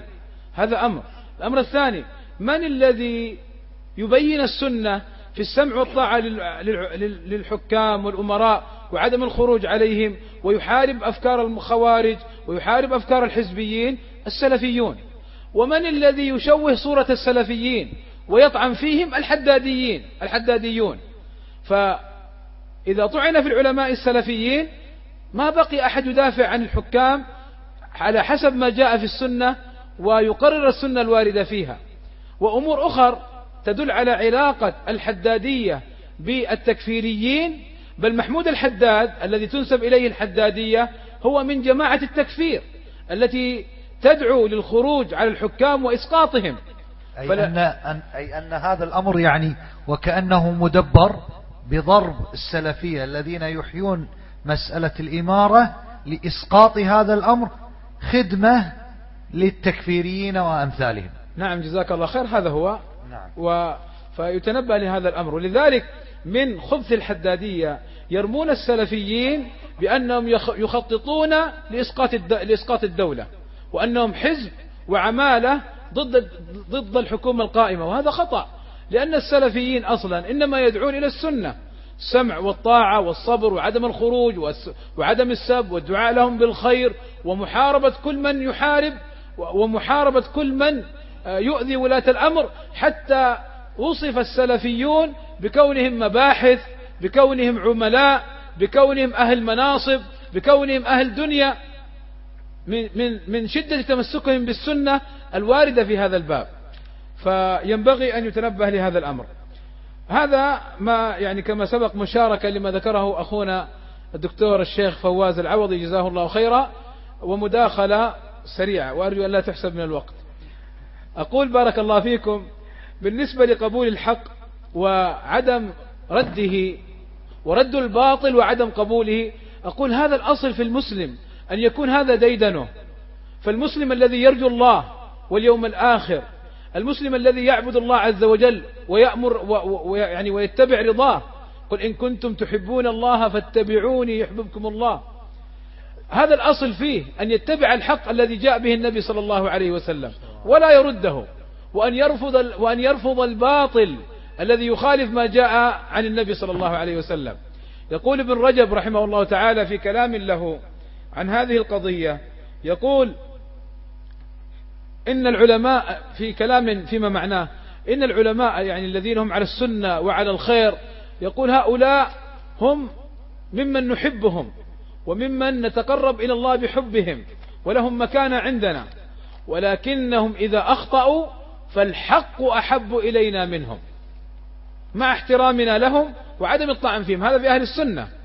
فكما قال أيضا شيخ الإسلام ابن تيمية رحمه الله تعالى ليس مما أمر الله به ورسوله ولا, ما يرت ولا مما يرتضيه عاقل أن تقابل الحجج القوية بالمعاندة والجحد. بل قول الصدق والتزام العدل لازم لازم عند جميع العقلاء. وقال الشيخ العثيمين رحمه الله تعالى قال الإمام العثيمين رحمه الله تعالى رد الحق له ثلاثة أسباب قصور وتقصير وسوء قصد نية.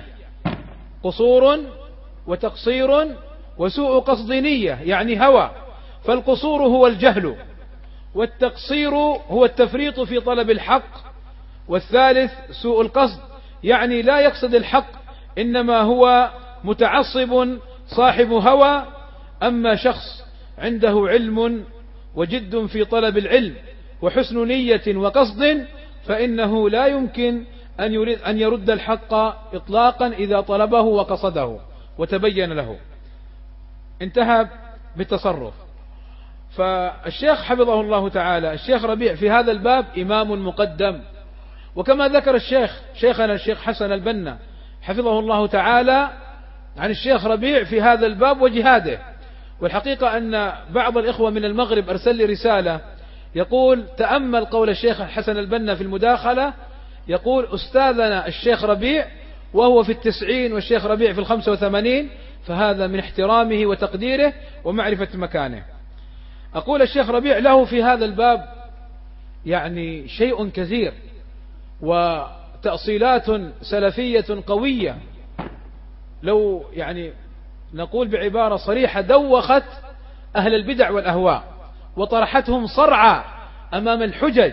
الشيخ الشيخ الشيخ ربيع حفظه الله تعالى من عجائب ردوده على أهل الباطل أنه يعني إذا رد كمثل رجل أمسك أو الشيء الباطل وأخذ يلف حبل الحق عليه. فإما أن ينجو وإما أن يقتل نفسه. هذا المردود عليه. إما أن يسلم للحق ويذعن وإما أن يتردى في أودية الباطل. أقول الشيخ له في هذا الباب كلام كثير. منه قوله حفظه الله تعالى إذا جاءك شيء من أهواء نفسك تأخذه وإذا جاءك بالحق وخالف هواك ترفضه. هنا الشيخ يبين موقف بعض اللعابين إذا جاء الحق الذي يخالف هواه رفض الحق. وإذا جاء الباطل الذي يوافق يوافق هواه قبل الباطل. قال إذا جاءك شيء من من أهواء نفسك تأخذه. وإذا جاءك بالحق وخالف هواك ترفضه وترفض أهله. هذه ليست صفات المؤمنين. هذه صفات اليهود. وأعيذ بالله أي مسلم أن يكون فيه هذا المرض اليهودي. إذا جاءه ما يهواه قبله وإذا جاء ما يخالف هواه رده. فنعوذ بالله من هذا الداء ونعوذ بالله من مناهج ومن تربية تردي أصحابها في هذه الهوة. فنسأل الله العافية والسلامة. شيخ أحمد ممكن تعيدها إيش الداء اليهودي؟ كيف العبارة؟ أعيدها؟ أي نعم. يقول الشيخ حفظه الله تعالى جزاك الله خير الله, الله يكرمك. يقول الشيخ حفظه الله تعالى إذا جاءك شيء من أهواء نفسك تأخذه وإذا جاءك بالحق وخالف هواك ترفضه وترفض أهله. هذه ليست صفات المؤمنين هذه صفات اليهود. وأعيذ بالله أي مسلم أن يكون فيه هذا المرض اليهودي؟ إذا جاءه ما يهواه قبله وإذا جاء ما يخالف هواه رده. فنعوذ بالله من هذا الداء ونعوذ بالله من مناهج من مناهج ومن تربية تردي أصحابها في هذه الهوة فنسأل الله العفو والعافية. قال الشيخ فنسأل الله العافية والسلامة. وأيضا من كلامه حفظه الله تعالى قوله المنهج السلفي الذي يقول للمصيب أصبت وللمخطئ أخطأت وللمبطل أبطلت وللضال ضللت وللمنحرف انحرفت. ليس فيه مجاملة وليس فيه مداهنة لأنه ميراث الأنبياء يعني نهج واضح صاف لأنه ميراث الأنبياء الذين جاءوا بالحق وبه يعدلون. ينصرون دين الله وينشرونه في الأمم وينشرون العدل والإحسان والخير والبر ويحاربون المنكرات والفواحش يحاربون الشرك والضلالات يحاربون الشرك والضلالات والبدع والخرافات والشركيات. فذكر الشيخ حفظه الله تعالى هنا الموقف السلفي من المخطئ من المضل من المنحرف ما في مجاملة في دين الله حتى لا يضيع دين الله عز وجل. أيضا من بديع كلامه حفظه الله تعالى قوله إذا رأيت شخصا على حق وآخر على باطل يجب أن تنصر الحق وتحذر من الباطل وإلا فأنت ميت. لا تعرف معروفا ولا تنكر منكرا. وهذه علامة انتكاس القلوب. لا حول أعيد الشيخ محمد. والله تكرمنا. نعم. يقول الشيخ حفظه الله تعالى إذا رأيت شخصا على حق وآخر على باطل يجب أن تنصر الحق وتحذر من الباطل. وإلا فأنت ميت. أقول كم من ميت وصريع أمام هذه الضلالات؟ كم من ميت وصريع يرفض الحق وينصر الباطل. قال الشيخ فأنت ميت لا تعرف معروفا ولا تنكر منكرا وهذه علامة انتكاس القلوب علامة انتكاس القلوب. أيضا قال الشيخ حفظه الله تعالى الآن نحن ما عندنا سيوف عندنا الحجة والبرهان والأخلاق. وقال الشيخ أيضا حفظه الله تعالى الآن إذا اعترض إنسان من داخل الصف أو من خارجه يا ويله لأنه ماذا؟ لا تعترض فتطرد لأن لأن صاحب الباطل لا يريد إلا أن يربي الناس على باطله وأن يجلب الناس له بهذا الباطل. ويقول الشيخ أيضا حفظه الله تعالى مبينا مسألة عظيمة متعلقة بهذا الجانب. قال الإشاعات الكاذبة والافتراءات ضد أهل الحق شوهت جمال الحق وحالت بين الناس وبين الحق وصدتهم عن سبيل الله فأصبحوا لا يقبلون الحق إلا من فلان وفلان حتى لو كان كلام فلان باطلا وجعلوه حقا. حتى لو كان كلام فلان باطلا وجعلوه حقا أقول بارك الله فيكم قارنوا كلام هذا الشيخ الإمام العالم الرباني بحال كثير من الناس وكثير من أتباع, من أتباع من يخالف الحق. ولعلي أختم بكلمة الإمام العثيمين رحمه الله تعالى مبينا الموقف السلفي ممن يبين لك خطأك أو مخالفتك. يقول الشيخ رحمه الله تعالى الرجل إذا خالفك بمقتضى الدليل عنده لا بمقتضى العناد فينبغي أن تزداد محبة له. فينبغي أن تزداد محبة له. يقول الشيخ العثيمين رحمه الله تعالى أعيد الرجل إذا خالفك بمقتضى الدليل عنده لا بمقتضى العناد يعني ليس بالهوى وإنما بالدليل. فينبغي أن تزداد محبة له. أقول ولا ينبغي أن تزداد كرها له ومحاربة عليه وتأليبا للناس ضده وفي كل مقال وفي كل اجتماع وفي كل رسائل جوال تذكر فلان وتطعن فيه لأنه بين باطلك ودلك على الحق ولكن قلبك أعمى أيها الأعمى. نعم. يقول الشيخ ربيع الرجوع إلى الحق شرف ورجولة.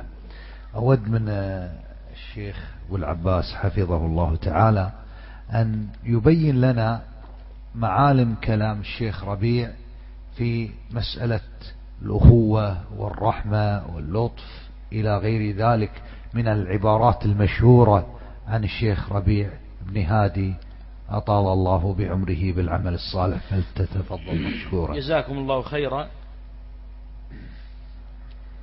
لا شك قد يتساءل البعض يقول من المتوقع من هذا العنوان من معين الشيخ ربيع أن يكون من ركائزه ذكر شيء من ترجمته وتعداد شيوخه وذكر بعض مؤلفاته كما جرت به العادة وذكر جملة من ثناءات أهل العلم عليه فإن هذا كان من المفترض أن يتساءل شخص فيسأل عن مثل ذلك.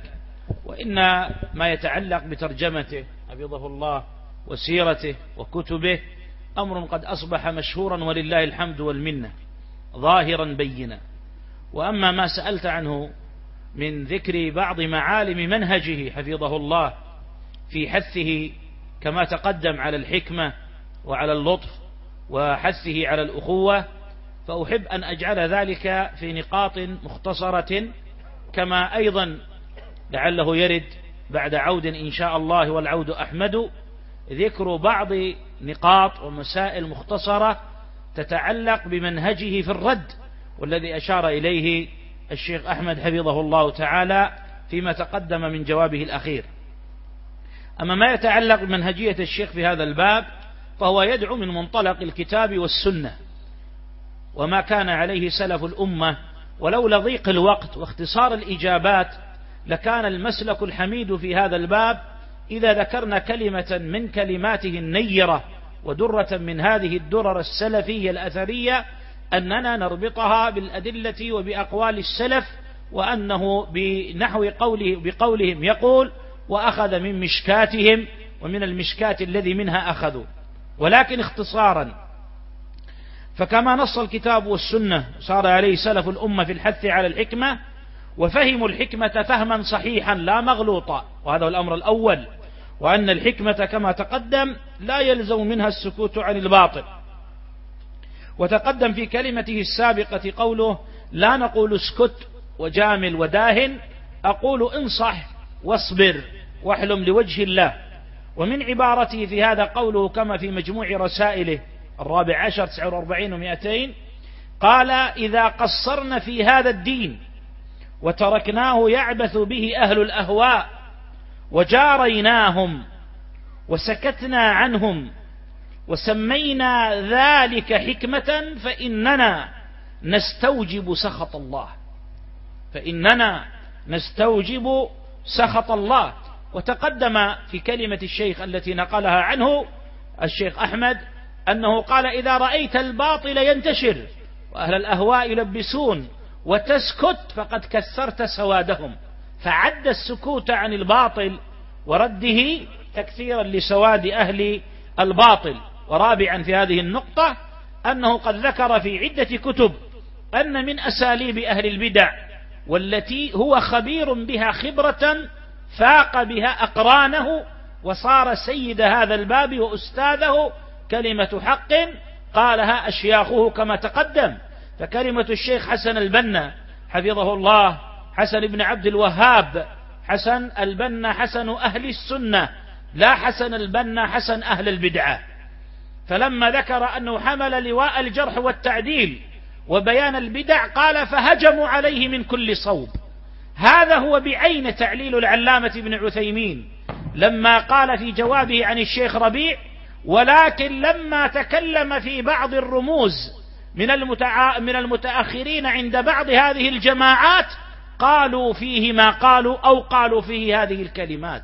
وهذا بعينه قول الإمام الألباني رحمه الله لما قال حامل راية الجرح والتعديل بحق وبحق في هذا الزمان هو أخونا الشيخ ربيع بن هادي وهو متفق مع كلمة شيخه وشيخ شيوخه العلامة محمد ابن عبد الوهاب البنا لما قال أقول وبحق إن المجدد لعلم الجرح والتعديل في هذا القرن كله هو أخونا الشيخ ربيع بن هادي حفظ الله عليه حافظته وذاكرته.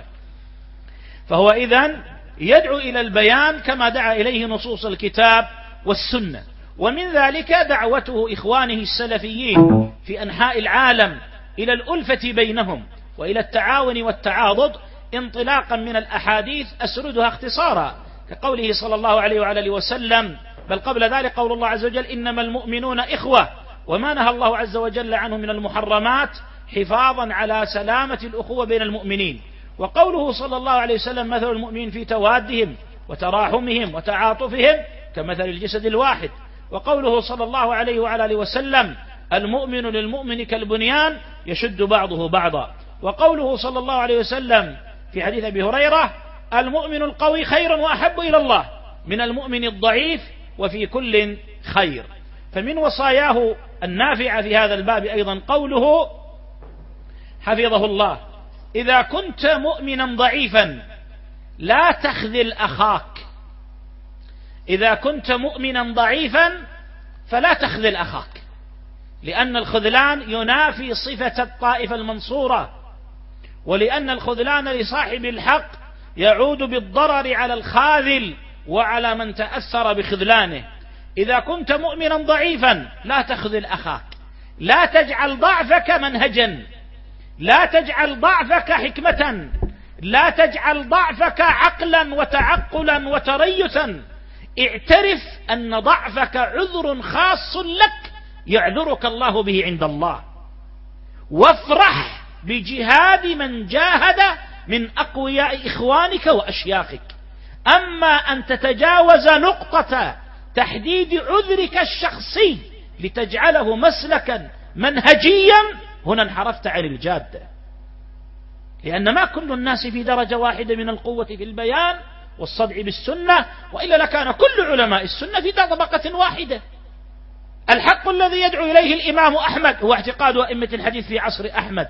ومن ثبت وبرز الحق الذي يدعو إليه شيخ الإسلام بن تيمية هو اعتقاد أئمة وعلماء كثيرين في عصره ولكن من برز وثبت؟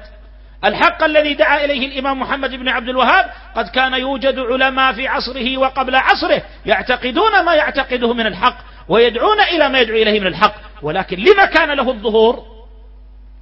وهكذا الحق الذي يدعو إليه الشيخ ربيع حفظه الله وينصره ليس هو وحيدا من حيث اعتقاده ومن حيث حمله ومن حيث الإيمان به ومحبة أن يكثر أنصاره. لا.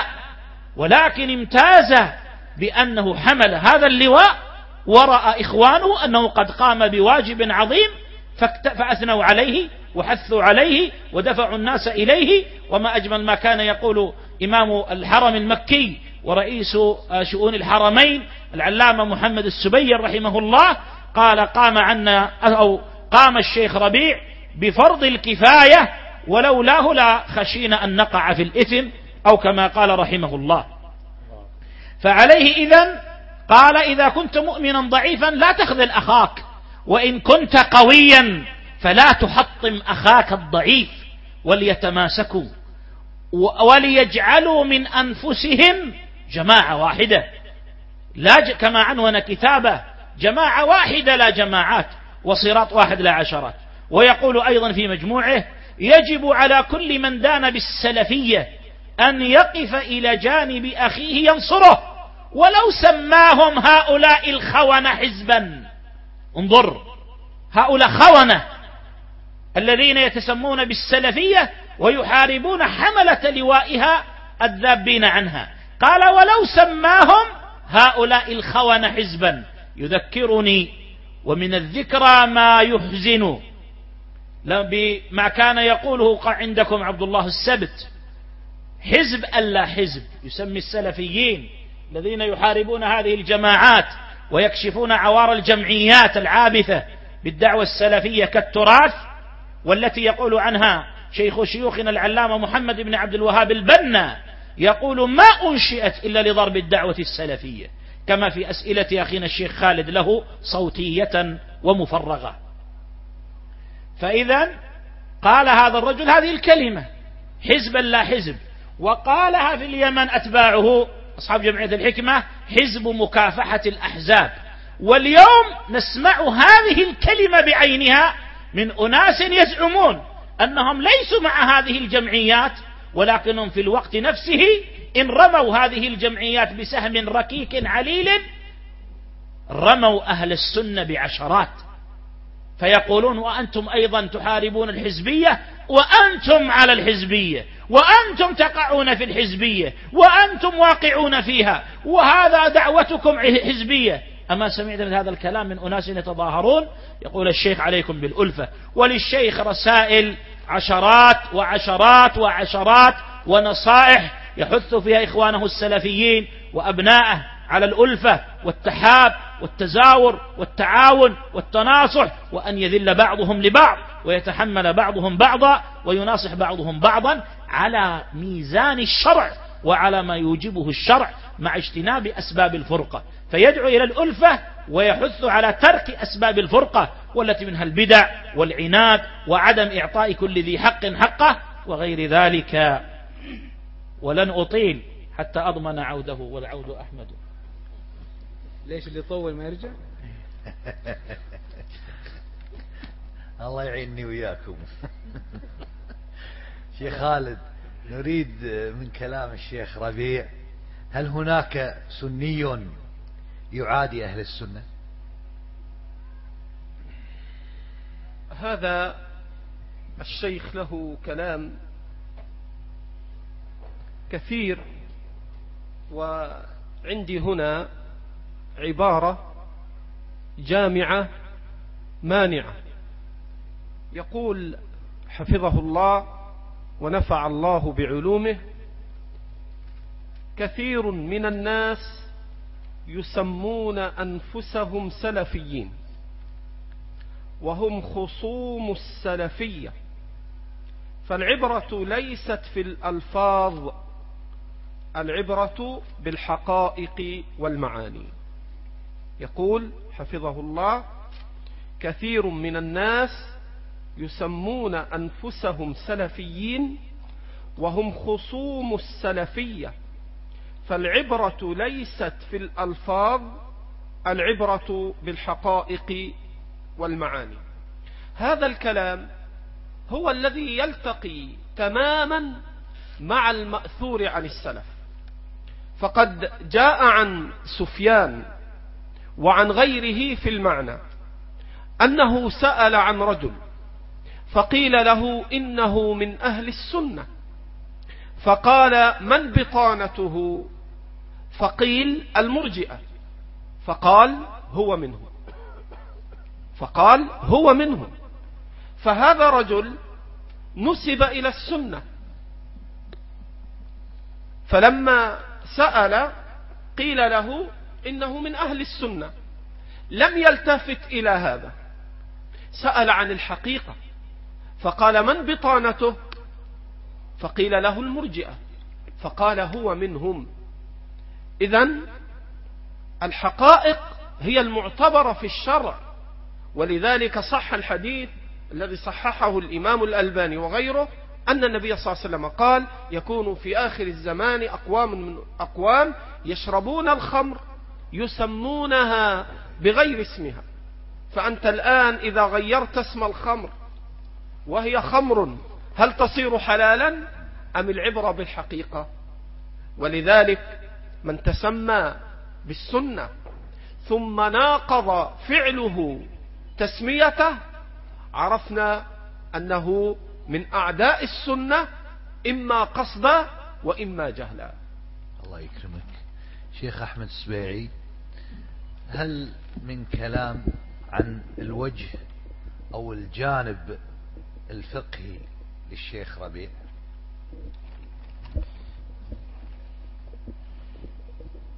طبعا قبل ذلك أحب أن أكمل شيئا مما سبق ذكره مستحضرا يعني قول الشاعر ومستشهدا بلفظة واحدة منه وهي يخزن. يخزن لسانه. أما ما جاء فيه بعد ذلك فلست أزعمه لنفسي. وهو قوله قد يخزن الورع التقي لسانه حذر الكلام وإنه لمفوه. فأنا سأحصل نفسي في الموضوع وهو ما يتعلق بالشيخ ربيع. فأقول من الجوانب التي تتعلق بالشيخ ربيع حفظه الله تعالى مما يعلمه الطلاب. يعلم الطالب الشجاعة الأدبية. وهذا أمر مشاهد وواضح لكل من عاش معه أي حقبة أو أي وقت. فأذكر أن في بعض المجالس وكان الإمام الألباني رحمه الله تعالى وهو متصدر للمجلس رحمه الله تعالى وقد بسط عرينه العلمي على هذا المجلس وتنهال عليه الأسئلة من كل جهة ويجيب عليها. فسأله سائل عن حكم صلاة الفذ خلف الصف. وكنت بقرب الشيخ ربيع حفظه الله تعالى. وكان للشيخ رأيا يخالف رأي الإمام الألباني رحمه الله. فاعترض على الشيخ ودخل معه في سجان وأخذ ورد. يعلم الطلاب الأخذ والرد. وقد رأيت من الألباني رحمه الله تعالى في ذلك أريحية وإقبالا على الشيخ أنه داخله وقاطعه. أذكر في مرة من المرات توضأ الشيخ ربيع فنظرا بمشيخته وسنه وما ينبغي فقدمت له مناديل فجعل ينفض الماء بيده ولا يستعملها ثم استشهد بالحديث عن النبي صلى الله عليه وسلم أن إحدى أمهات المؤمنين لما توضأ قدمت له مناديل فأخذ ينفض الماء بيده ثم طرح المسألة. فيعلم الطالب الحياة بالعلم. دخلت عليه مرة من المرات وكان بصدد إعداد الكلمة التي ألقاها في الجامعة الإسلامية والتي بعد ذلك صنف على ضوئها ما يعرف بمنهج الأنبياء في الدعوة إلى الله. فرأيته حفظه الله تبارك وتعالى يعيش العلم ويعيش السنة ويعيشك معها. يعني بمعنى قد كتبت هنا عبارة أرجو أن تكون أبلغ في الدلالة على المعنى الذي أريده وهو أنك تراه يقرأ ويكتب ويعيش العلم حياة يشرك من حوله فيها ويعلمهم أن السنة قضية حياة وأن العلم ينعكس على واقع الإنسان ليس تخصصا أكاديميا باردا تلاك به المصطلحات كما نلمسه في أناس آخرين تنتهي صلتك بهم وتنتهي صلتهم بالعلم عند انتهاء الحلق. ناهيك عن جانب ما كنا نحن كشباب نستطيع أن نصبر. يأتي عبد الرحمن عبد الخالق في بيت الشيخ أنا شخصيا ما كنت أستطيع أن أصبر والشيخ بكل سعة صدر يجالسه وهو يعلم ما عنده ويحاول أن يجلبه إلى الحق أو على الأقل أن يقلل من شره في نفس ودأب وصبر وحكمة عظيمة تعجب حين يرمى أهل السنة معها أو الشيخ بنوع من العجلة أو الشدة. أعتقد أيضا هناك جانب آخر غير جانب هدي الشيخ وسمته وأخلاقه التي أرجو الله تبارك وتعالى أن يقيض من الطلاب من يبينها ويبينها لأنها الجانب الغير مكتوب من سيرة هذا الإمام حفظه الله تعالى فأقول أن هناك جانب أيضا لم ينضح من علم الشيخ وستعجبون حين سأكمل وسأقول لكم أي علم هذا إنه علم الحديث. ففي صدر الشيخ وفي ملكته من هذا العلم شيء جم عظيم لم ينضح إلى الآن. وذلك أن الشيخ في هذا الباب له ثلاث مزايا. الأولى الدقة المتناهية المتعبة والأمر الثاني الصبر العظيم على البحث والتتبع والأمر الثالث التواضع والتعظيم للأئمة وترك مجازفات أهل هذا الزمان. فيا حبذا لو يعمد طالب إلى علل الأحاديث فيجمع متفرق جوامع ما تنزع فيه منها ثم تعرض على الشيخ حتى يعلق عليها فإن هذا سيثور كنزا دفينا من علم الشيخ وسأعود إذا أتيحت لي الفرصة لأكمل ما يتعلق في الجانب الفقهي. جيد. آه، تفضل الشيخ. لا الشيخ أبو العباس تفضل. تفضل. نريد منك مشاركة الآن.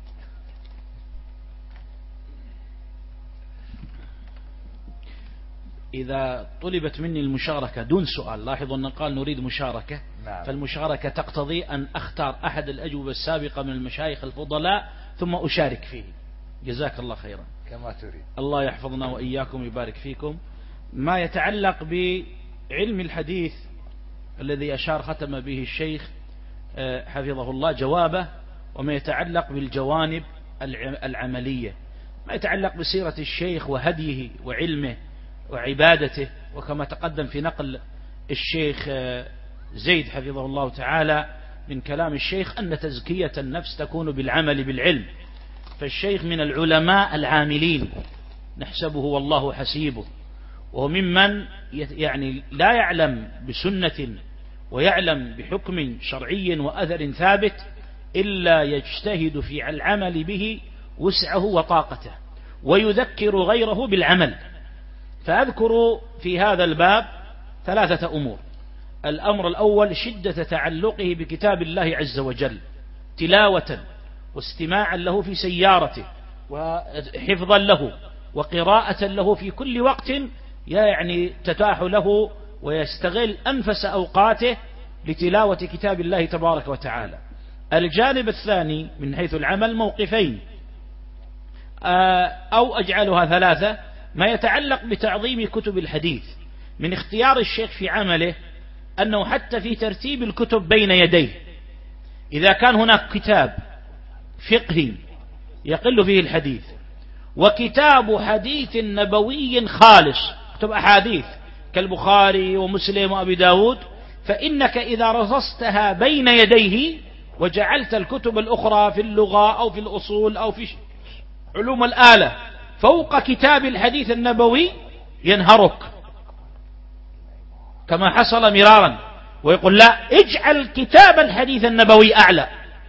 رص فوق. ارفع كتب الحديث واجعل كتاب الحديث النبوي في طاولتك فوق تلك الكتب. يقول ينبغي أن يشرف ويرفع قدر حديث رسول الله صلى الله عليه وسلم حتى في وضع الكتب واستحضار للسنة وعمله بها لما مرة جيت أسلم عليه وكان بصحبتي من هو أسن مني وأنا اشتاق إلى الشيخ فذهب دفعني شدة الشوق فبادرت للسلام عليه قد ذكرت هذا مرارا. فلما بادرت صافح يدي وأمسكها ثم قال مباشرة أنت أسن وأكبر أم فلان؟ الذي معي. فهمت؟ مغزى كلامي على طول. تراجعت إلى الوراء قلت له يا شيخ إذا فلان هو أكبر. قال يا ولدي السنة السنة. كبر كبر. يا ولدي السنة السنة. كبر كبر. فيربي من حوله على العمل بالسنة. أناس اتصل عليه قيل له وكنا أنا وواحد آخر مع الشيخ في بيته وطلب عشاء. فاتصل أنه سيزورك جمع. فلان وفلان وفلان. فقال الشيخ إذا من يذهب عشاء؟ كم نزيد من العشاء؟ هذا أمر قد تظنه خاص لا. فاجتهدنا. نحن نبغى نقدر. فنقول يا شيخ نأتي بكذا ونأتي بكذا وسنأتي بكذا للعدد. والشيخ هذه ثم ينظر. قال جزاكم الله خيرا. أين السنة طعام الأربعة؟ يكفي الثمانية طعام الاثنين يكفي الأربعة طعام. يعني يقول حملكم الحماس. استحضار لي للسنة. المقصد أن من يعيش مع الشيخ أو يجالسه أو يعيش معه يجد من الهدي وتطبيق السنة واستحضارها والعمل بها وإحيائها وتربية من حوله الشيء الكثير والله المستعان. شيخ بازمول إذا تكرمت تعطينا أيضا من جانبك من خلال التعايش مع الشيخ ربيع أشياء يستمع الإخوة إليها. جزاك الله خير. من الأمور يعني الظاهرة في الشيخ ربيع حفظه الله تعالى محافظته, محافظته على الوقت واستغلاله إما في قراءة كتاب أو بذكر أو فيما ينفع. فكان حفظه الله تعالى فيما أذكر في مواقف عديدة يرى بعض طلاب العلم معه في صلاة المغرب ثم يدخل بيته ثم يصلون معه العشاء. فمن حبهم للشيخ يتواصلون معه إلى أن يدخل بيته. وكأنهم يعني يريدون أن يجلسوا معه أكبر قدر ممكن. فطالع مرة فنظر مرة إلى إلى مجموعة من الإخوة هؤلاء فقال يا أولادي أنتم من المغرب إلى العشاء ها هنا ضيعتم وقتكم اشتغلوا فيما ينفعكم اشتغلوا في أمر يعود عليكم بالنفع اشتغلوا بالعلم فهذا من الأمور الواضحة والجلية في الشيخ حفظه الله تعالى. أعني المحافظة على الوقت والاشتغال فيما ينفع. أيضا من الأمور الواضحة في الشيخ حفظه الله تعالى ورعه وتقواه وخوفه من الله عز وجل. فإن الله عز وجل يقول إنما يخشى الله من عباده العلماء. وجاء عن ابن مسعود أن أول ما يرفع من العلم الخشية. ولذا قد تجد كثيرا ممن ينتسب إلى العلم ولكن قل منهم من يجمع بين العلم والخشية. فالشيخ ربيع حفظه الله تعالى فيما يظهر والله أعلم وفيما رآه الراؤون وفيما آه، علمه منه من يجلس معه أن فيه خشية لله عز وجل وخوفا من الله. لا يحب الظلم ولا يحب الأذى ويصبر. وأذكر في هذا مواقف عديدة من الشيخ حفظه الله تعالى.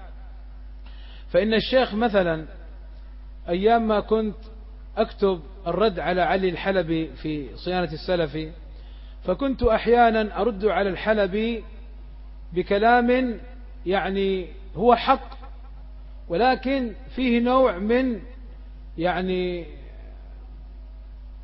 الاحتمال لأن كلام الحلبي ممكن ما يكون يقصد هذا. فكان الشيخ لما يقرأ هذه الحلقات يعمل القلم في شطب هذا الكلام. يقول لي هذا يا ولدي أحذفه. فقل له يا شيخ هذا حق؟ قال أعرف أنه حق. ولكن كلامه وإن كان كلامك صادق عليه لكن فيه احتمال. فبلاش نظلم الرجل. مع أن الحلبي طعن في الشيخ وآذى الشيخ وآذى السلفيين مع ذلك لم يرضى الشيخ أن يكون هناك احتمال للظلم. أيضا مثلا الشيخ الله يحفظه مع طلابه ما يحب ما يحب أن يؤذي بعضهم بعضا فإن جاءه من أتاه وقال له يا شيخ فلان فعل معي كذا وكذا وكذا فيقول الشيخ طيب إن شاء الله أنا أنظر. فيطلب حضور الطرف الآخر ويسأله لما فعل كذا؟ لما تؤذي فلان؟ لما قال؟ لما تقول كذا؟ فإن ثبت عنه أدبه بالتي هي أحسن. وإما ثبت عنه يقول له اصبر ومرة أذكر أيضا من المواقف التي يعني تذكر للشيخ حفظه الله تعالى مرة من المرات جئت قلت يا شيخ فلان آذاني. وآذاني وما ترك لي سبيل إني أقدر أتعامل معه. قال يا ولدي اصبر اصبر. والله أوذينا في أعراضنا وفي أموالنا وفي أنفسنا وأوذينا من حتى من بعض ممن نحسن بهم الظن. والله لم نرفع بذلك رأسا ووضعناه تحت أقدامنا وصفحنا عنهم. ولذلك في الكلمات التي مرت مع المشايخ الشيخ عادل والشيخ خالد والشيخ زيد والشيخ أحمد والشيخ فواز. كثير تلاحظون أن الشيخ يأمر بالعفو يأمر بالعفو ويطلب الصفح. وهنا أذكر كلمة لشيخ الإسلام ابن تيمية رحمه الله تعالى. هذه الكلمة عظيمة ولعلي أختم بها, الكلمة بها الكلام. قال شيخ الإسلام ابن تيمية رحمه الله تعالى الناس أربعة منهم من ينتصر لنفسه ولربه وهو الذي فيه دين وغضب لله ومنهم من لا ينتصر لنفسه ولا لربه وهو الذي فيه جبن وضعف دين ومنهم من ينتصر لنفسه لا لربه أعيد ومنهم من ينتصر لنفسه لا لربه وهو شر الأقسام. قال وأما الكامل فهو الذي ينتصر لحق الله ويعفو عن حق عن حق نفسه عند المقدرة. والله هذا وجدناه في الشيخ ربيع يعني بصورة كبيرة. ومهما ادعى بعض المغرضين من أن الشيخ يفرق الناس ويؤذي الناس والله هذا كله كذب. والله هذا إنما يقوله يعني دفاعا عن يقوله ذاك القائل المفسد دفاعا عن باطله وعن نفسه. وإلا الشيخ والله يؤذى أذى كثيرا ويصفح أكثر من الأذى. بل ويأمرنا نحن بذلك. طلابه وأحبابه ومن نأتيه لنراجعه في بعض المسائل يقول اترك. دعه لله. ويذكرنا بالله جزاه الله خيرا. فأسأل الله عز وجل أن يحفظ هذا الإمام الرباني وأن يبارك في عمره وأجله وولده وأن آه، يرزقه الإخلاص في القول والعمل. والله أعلم. تفضل أبو محمد. أنا أقول يعني هنا فائدة ينبغي الانتباه لها وهو أن كتاب صيانة السلفي قد صنع على عين الشيخ ربيع ومتابعته مع الشيخ أحمد مازمول فلا يخفى العاقل ذلك. جزاك الله خير. آه، أبو عبد الرحمن ما هو كلام الشيخ في مسألة الخلاف أو الاختلاف؟ كيف يكون موقف المؤمن عند الشيخ من كلامه عند الاختلاف أو في مسائل الخلاف. الحمد لله رب العالمين الصلاة والسلام على عبده محمد بن عبد الله وعلى آله وصحبه. هنا كلام من كلام الشيخ حفظه الله يقول المؤمن الذي يريد وجه الله والدار الآخرة لا ترتاح نفسه ولا يستريح ضميره إلا بعد أن يصل إلى الحق ولا سيما في قضايا الخلاف. فالحق معلوم أنه واحد وكما قال الله عز وجل فإن تنازعتم في شيء فردوه إلى الله والرسول إن كنتم تؤمنون بالله واليوم الآخر ذلك خير وأحسن تأويلا. فالنزاع والخلاف لا يرجع به إلى الأهواء ولا إلى مآرب الناس ومصالحهم ومكاسبهم إنما يرجع به إلى كتاب الله عز وجل وصحيح سنة النبي صلى الله عليه وسلم وما عليه الصحابة رضي الله عنهم وأرضاهم. فالحق أوحد والشيخ يحث المسلم على الوصول إلى الحق لأنه عبودية لله عز وجل. فالشيخ ربيع من كلماته حفظه الله يقول من قصد الحق وصل إليه إن شاء الله. فأخلص لله وصدق فإن أخلص العبد لله وصدق سوف يدرك الحق من الباطل إن شاء الله بعد الأخذ بالأسباب. فلا بد للعبد أن يريد بذلك وجه الله. قال الله تعالى فمن كان يرجو لقاء ربه فليعمل عملا صالحا ولا يشرك بعبادة ربه أحدا. ولهذا أمر الله عز وجل عبادة قال وما أمروا إلا ليعبدوا الله مخلصين له الدين. ولهذا النبي صلى الله عليه وسلم قال إنما الأعمال بالنيات. فالشيخ يرجع الناس إلى التمسك بالكتاب والسنة وما عليه أصحاب رسول الله صلى الله عليه وسلم. فهذا هو الحق فمن أراده فليرجع لكتاب الله وإلى سنة النبي صلى الله عليه وسلم. فهذا الذي سلكه الشيخ وهذا الذي يدعو إليه الشيخ وهذا الذي عرفناه من الشيخ وسمعناه من الشيخ وقرأناه في كتبه جزاه الله خير. فأسأل الله أن يجزل له المثوبة وأن يحسن لنا وله الختام. وصلى الله وسلم على محمد. جزاك الله خير. شيخ فواز هل من مشاركة؟ هنا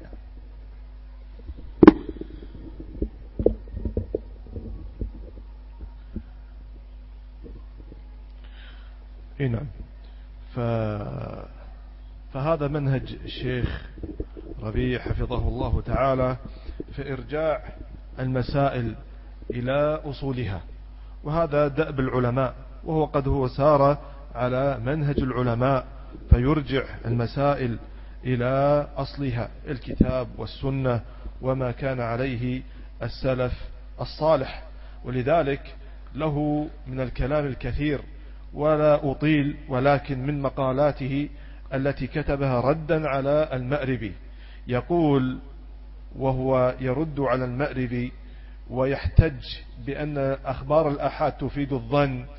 قال هذا قول المعتزلة والخوارج والروافض ومن قلدهم من الأشاعرة وعددا ممن قلدهم من الفقهاء قالوا بأن أخبار الآحاد تفيد الظن ولا يعبأ بقول هؤلاء فهو قول باطل مخالف للكتاب والسنة وإجماع الصحابة والتابعين ومن تبعهم بإحسان ولا يصير هذا الباطل حقا وإن قال به من قال.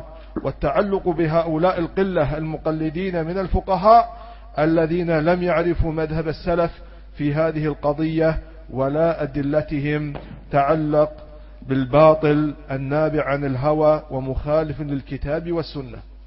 فهذا هو الشيخ ربيع حفظه الله تعالى. أي مسألة حصل فيها النزاع أو الاختلاف أو حصل فيها الأخذ والرد فإنه يرجع هذه المسائل إلى الكتاب والسنة وما كان عليه السلف الصالح. شيخ أحمد سبيعي نريد منك الجانب الفقهي أقول الجانب الفقهي عند الشيخ ربيع. طبعا هذا من الجوانب التي أعتقد والعلم عند الله تبارك وتعالى أن الشيخ يعني آه، لم يستفد منه فيها كما ينبغي لمنزلته. ولكن الشيخ يعني حفظه الله تعالى رأى أن هذا الباب يعني باب الفتوى قد انتصب له عدد من العلماء انتصابا تاما وحصل به مقصود يعني عموم المسلمين من السؤال. ولذلك آل ترجيحا للمصلحة العلمية أن ينشغل بالأمر الذي يحتاج إليه مما لم يتصدى له علماء آخرين فافترقت أعمال أهل العلم بما يفي مقصود أهل السنة. وقد تأملت في هدي الشيخ في فقهياته فرأيت منه أشياء أحب أن أجملها من الصفات بالتالي. أنه أولا طبعا ناهيك عن أن أصوله وما يبني عليه استدلالات استدلالاته فكلها مبنية على الكتاب والسنة والآثار وتحري الأدلة فهذا أمر مفروغ منه.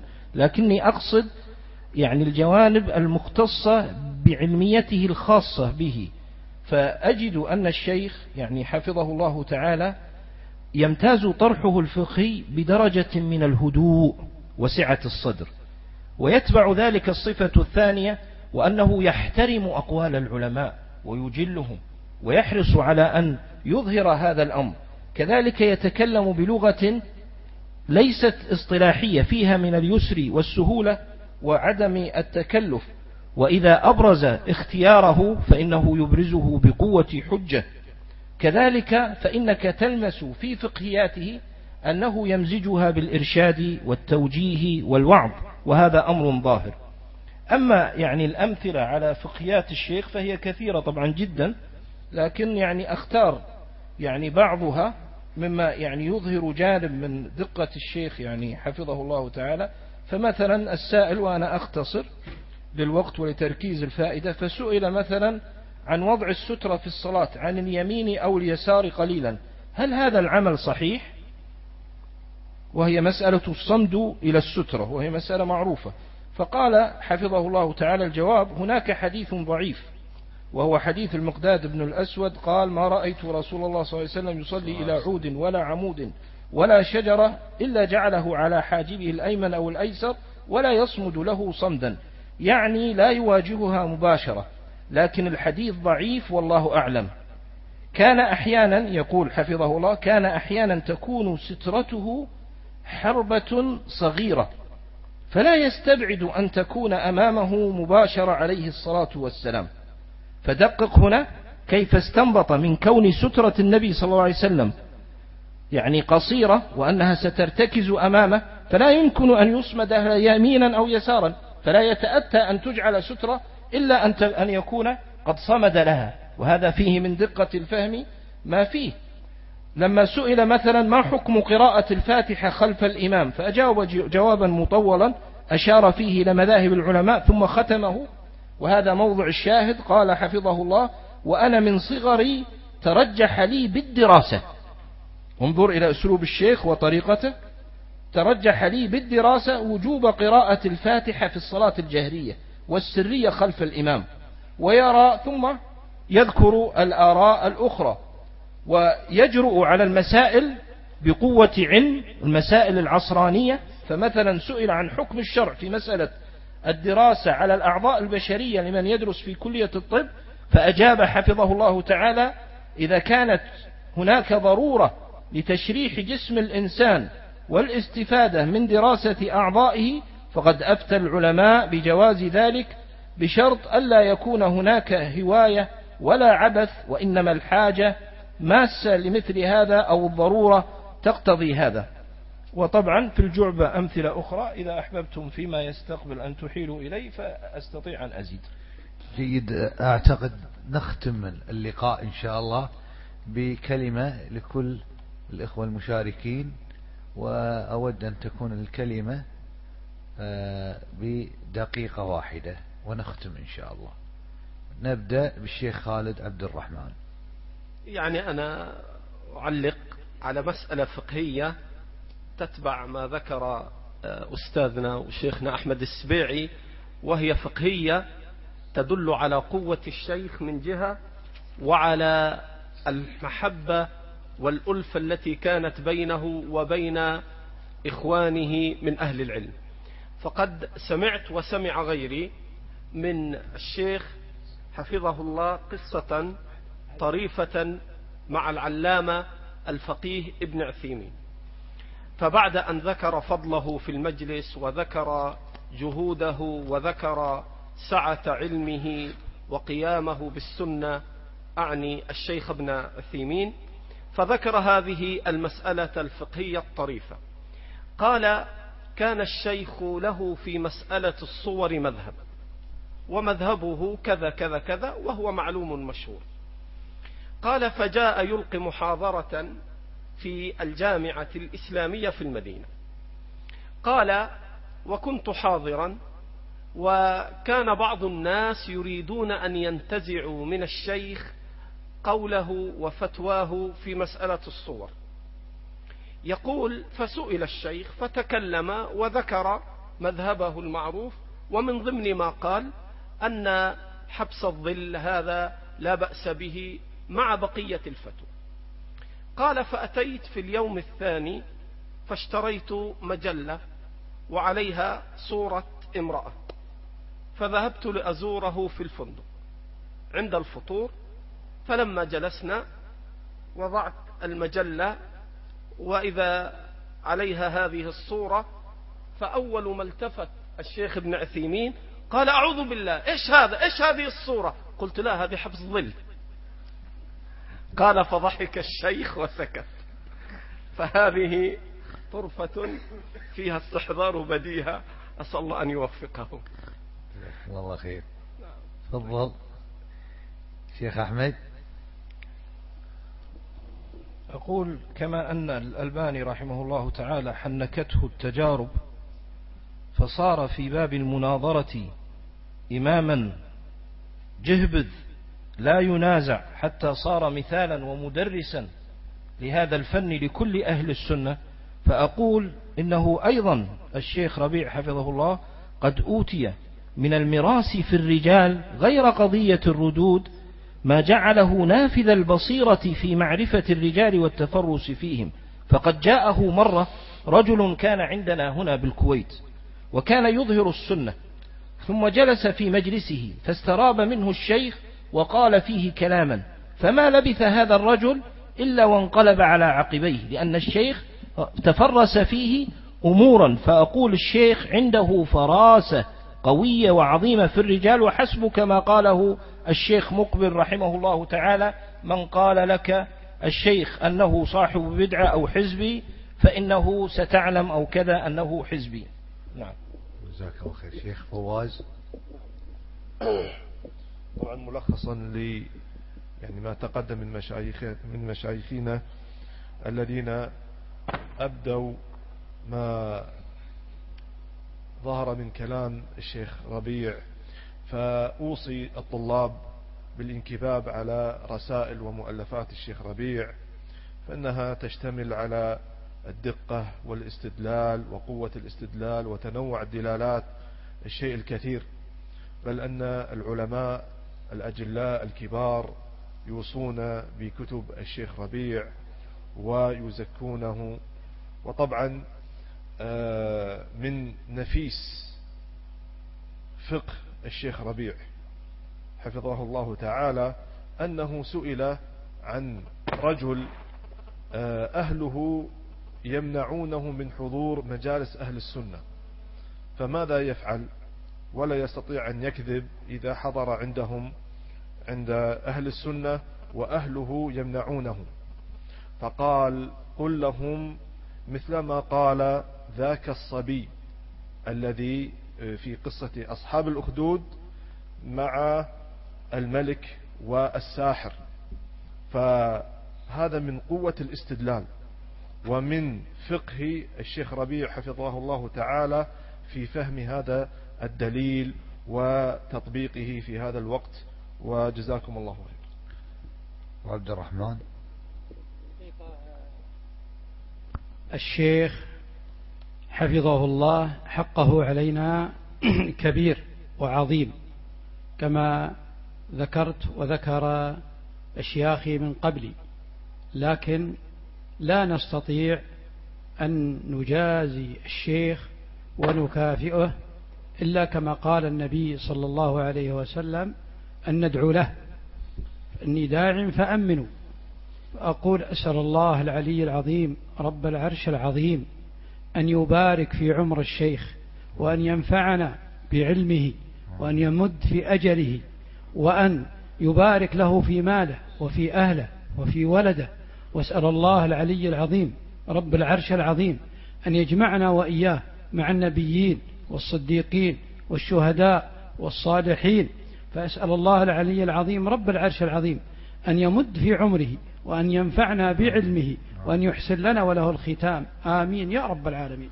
جزاك الله خير. تفضل. تفضل شيخ بازمون آه، في ختام هذه الكلمة التي تكلمنا فيها عن شيء يسير مما يتعلق بهذا العالم الرباني أسأل الله عز وجل أن يجعل أعماله خالصة لوجهه الكريم. ربما أختم ببعض الأمور سريعا. آه، أختم بقول الشيخ العثيمين رحمه الله تعالى أكبر علامة على أن الرسول صلى الله عليه وسلم أحب إليك من نفسك أن تقدم أمره على هوى نفسك. وهذا والله لا نعرف الشيخ ربيع إلا بهذا الأمر. وأيضا لعلي أذكر ما ذكره ابن قيم الجوزية رحمه الله تعالى حين قال وتبليغ سنته إلى الأمة وتبليغ سنته إلى الأمة. أفضل من تبليغ السهام إلى نحور العدو لأن ذلك التبليغ يفعله كثير من الناس. تبليغ السهام إلى النحور. وأما تبليغ السنن فلا تقوم به إلا ورثة الأنبياء وخلفاؤهم في أممهم. فلا تقوم به إلا ورثة الأنبياء وخلفاؤهم في أممهم. وهذه كلمة عظيمة وأسأل الله عز وجل أن يجعل الشيخ ربيع من أولئك الذين هم ورثة الأنبياء فهو بلغ السنن وذب عن سنة النبي صلى الله عليه وسلم ووقف كالجبل أمام أمام البدع والأهواء. أقول إننا إذ نحترم الشيخ ربيع المدخلي وإذ نحبه وإذ نذكر هذه الأمور عنه. لا نذكرها لأنه ربيع ولذاته ولكن نذكره لأنه على السنة ولأنه علما من أعلامها. وأختم كلمتي بقول العلامة حمود التويجري رحمه الله تعالى في كما في كتابه فصل الخطاب قال وآمل من الجميع أن يتأمل هذه الكلمة. قال رحمه الله إن العلماء لا تعظم أقدارهم ويعتد بأقوالهم بمجرد التفخيم لهم والتنويه بذكرهم وإنما يعتبرون باتباع الحق واجتناب الباطل. فمن قال منهم بما بما يوافق الكتاب والسنة فقوله مقبول ولو كان خامل الذكر عند الناس. ومن قال بما يخالف الكتاب والسنة فقوله مردود ولو كان مشهورا عند الناس. وأرجو أن يكون الشيخ ربيع المدخل حفظه الله تعالى من المقدمين في هذا الباب لاتباعه الكتاب والسنة والله أعلم. تفضل شيخ عادل.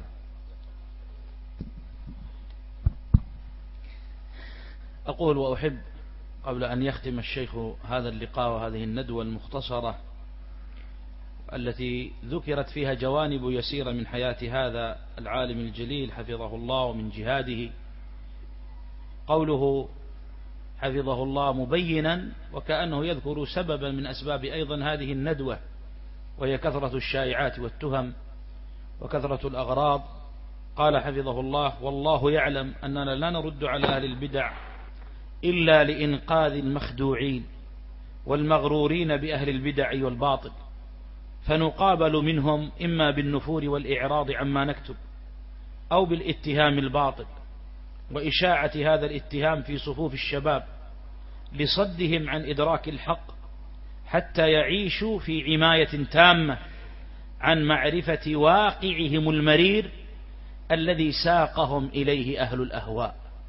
وما ساق أهل الأهواء الشباب إلى هذه الواقع المرير إلا كما بينه الشيخ في قول آخر له لما كان الشباب مرتبطين بالعلماء ويسمعون لنصائحهم كانت الحماية والصيانة من كل أنواع الضلال من الكفار والملاحدة والزنادقة وأهل البدع والضلال.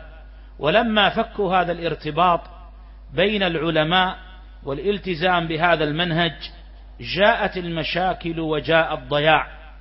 فلهذا كما يقول ينبغي لطالب العلم ألا يأمن على نفسه من أهل البدع.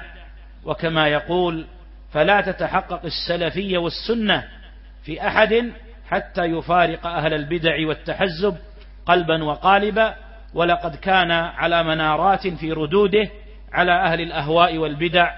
فيقول نعوذ بالله أن نأخذ أحدا بالظن بل لم أنتقد لم أنتقد إلا من ظهر باطله وشاعت فتنته.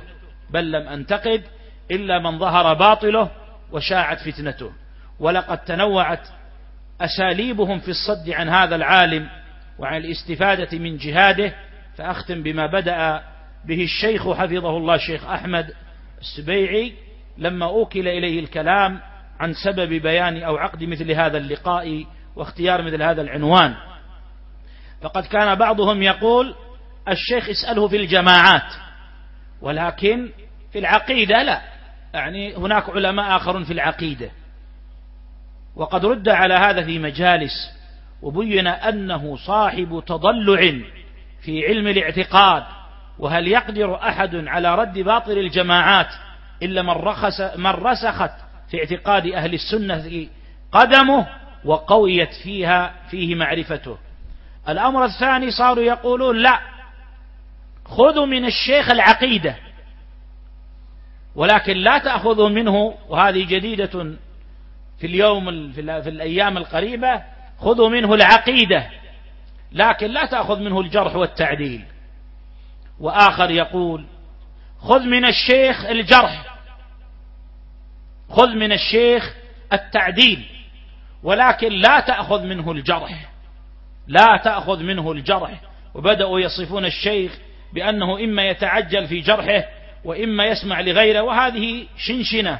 كلما رد على مبطل قال لعلك يا شيخ تعجلت لعلك يا شيخ أخذت خبرك من فلان. وقد أجاب على هذا في رده على الحلبي فقال لما قالوا الحلبي فهلا تألنيتم في تجريحاتكم؟ قال أقول إن كلامه هذا يشعر بأننا نستعجل في نقدنا الحلبي وحزبه ولا عمدة لنا ولا حجة إلا السماع الأبلة لما ينقل إلينا. وهذا من به من البهت المفضوح.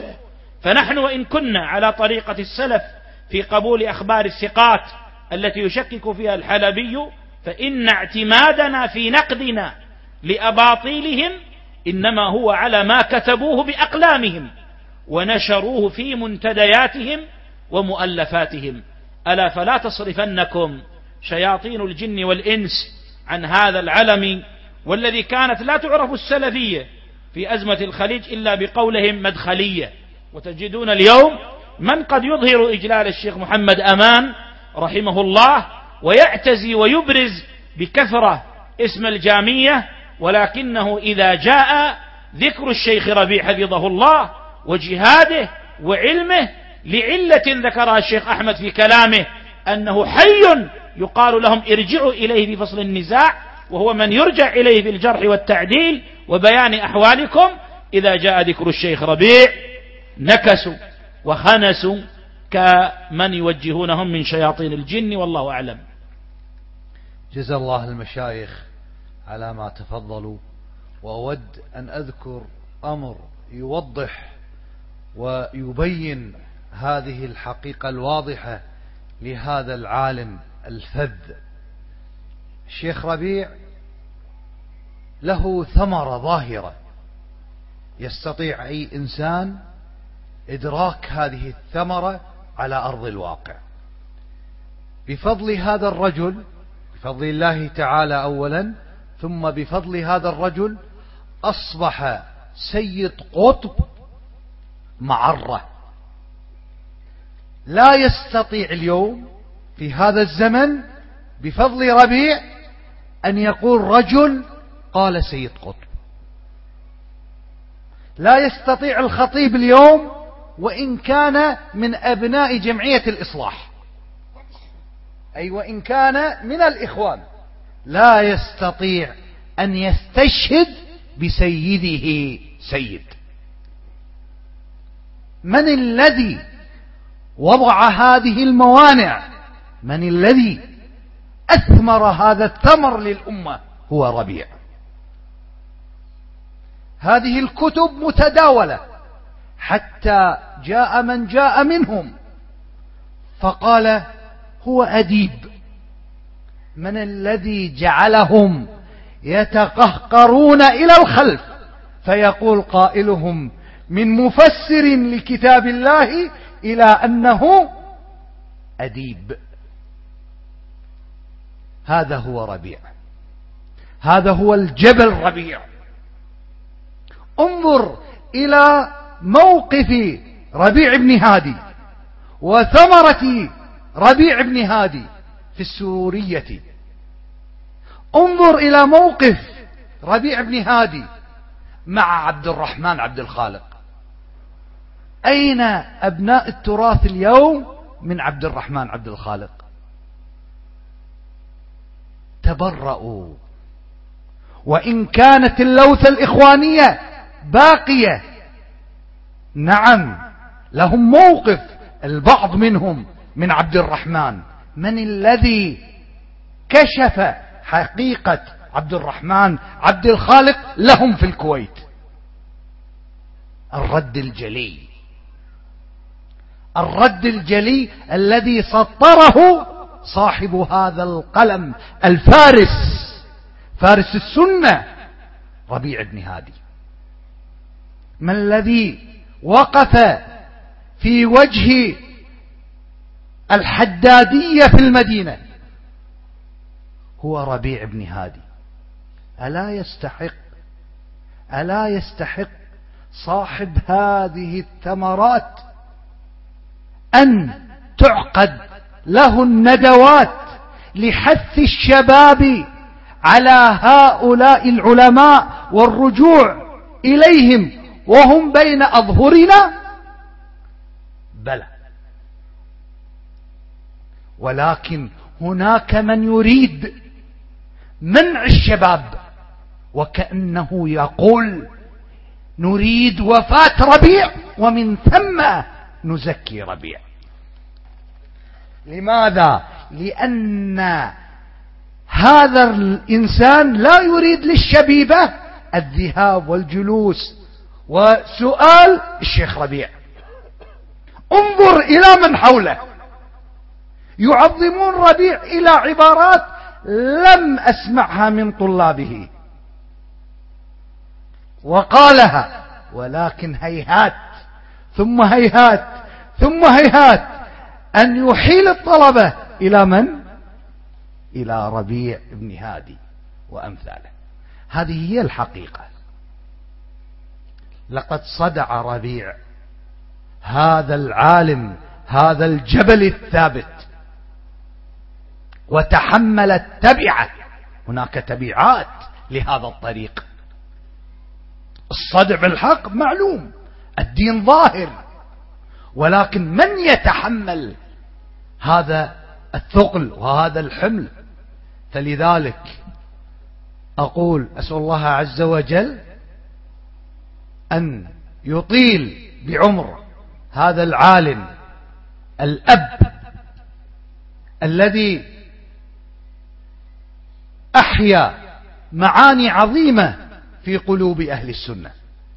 هو وإخوانه كالعلامة الفقيه الشيخ الفوزان كالعلامة الفقيه عبيد الجابري أطال الله بأعمارهم فهؤلاء مراجع لأهل السنة في هذا الزمن.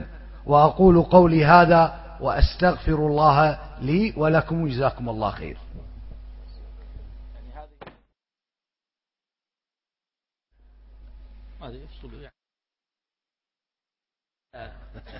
الشيخ قبلنا وأسأل الله أن يطول في عمره على طاعته. فلن تروا بعد وفاته ندوة لتأبينية مثل هذه لذكر مناقبه وسترونها لغيرنا. الله. ممن ينتظرون أن يموت وسيعقدون ندوات كما فعلوا لابن باز ولابن عثيمين وللألباني ولغيره.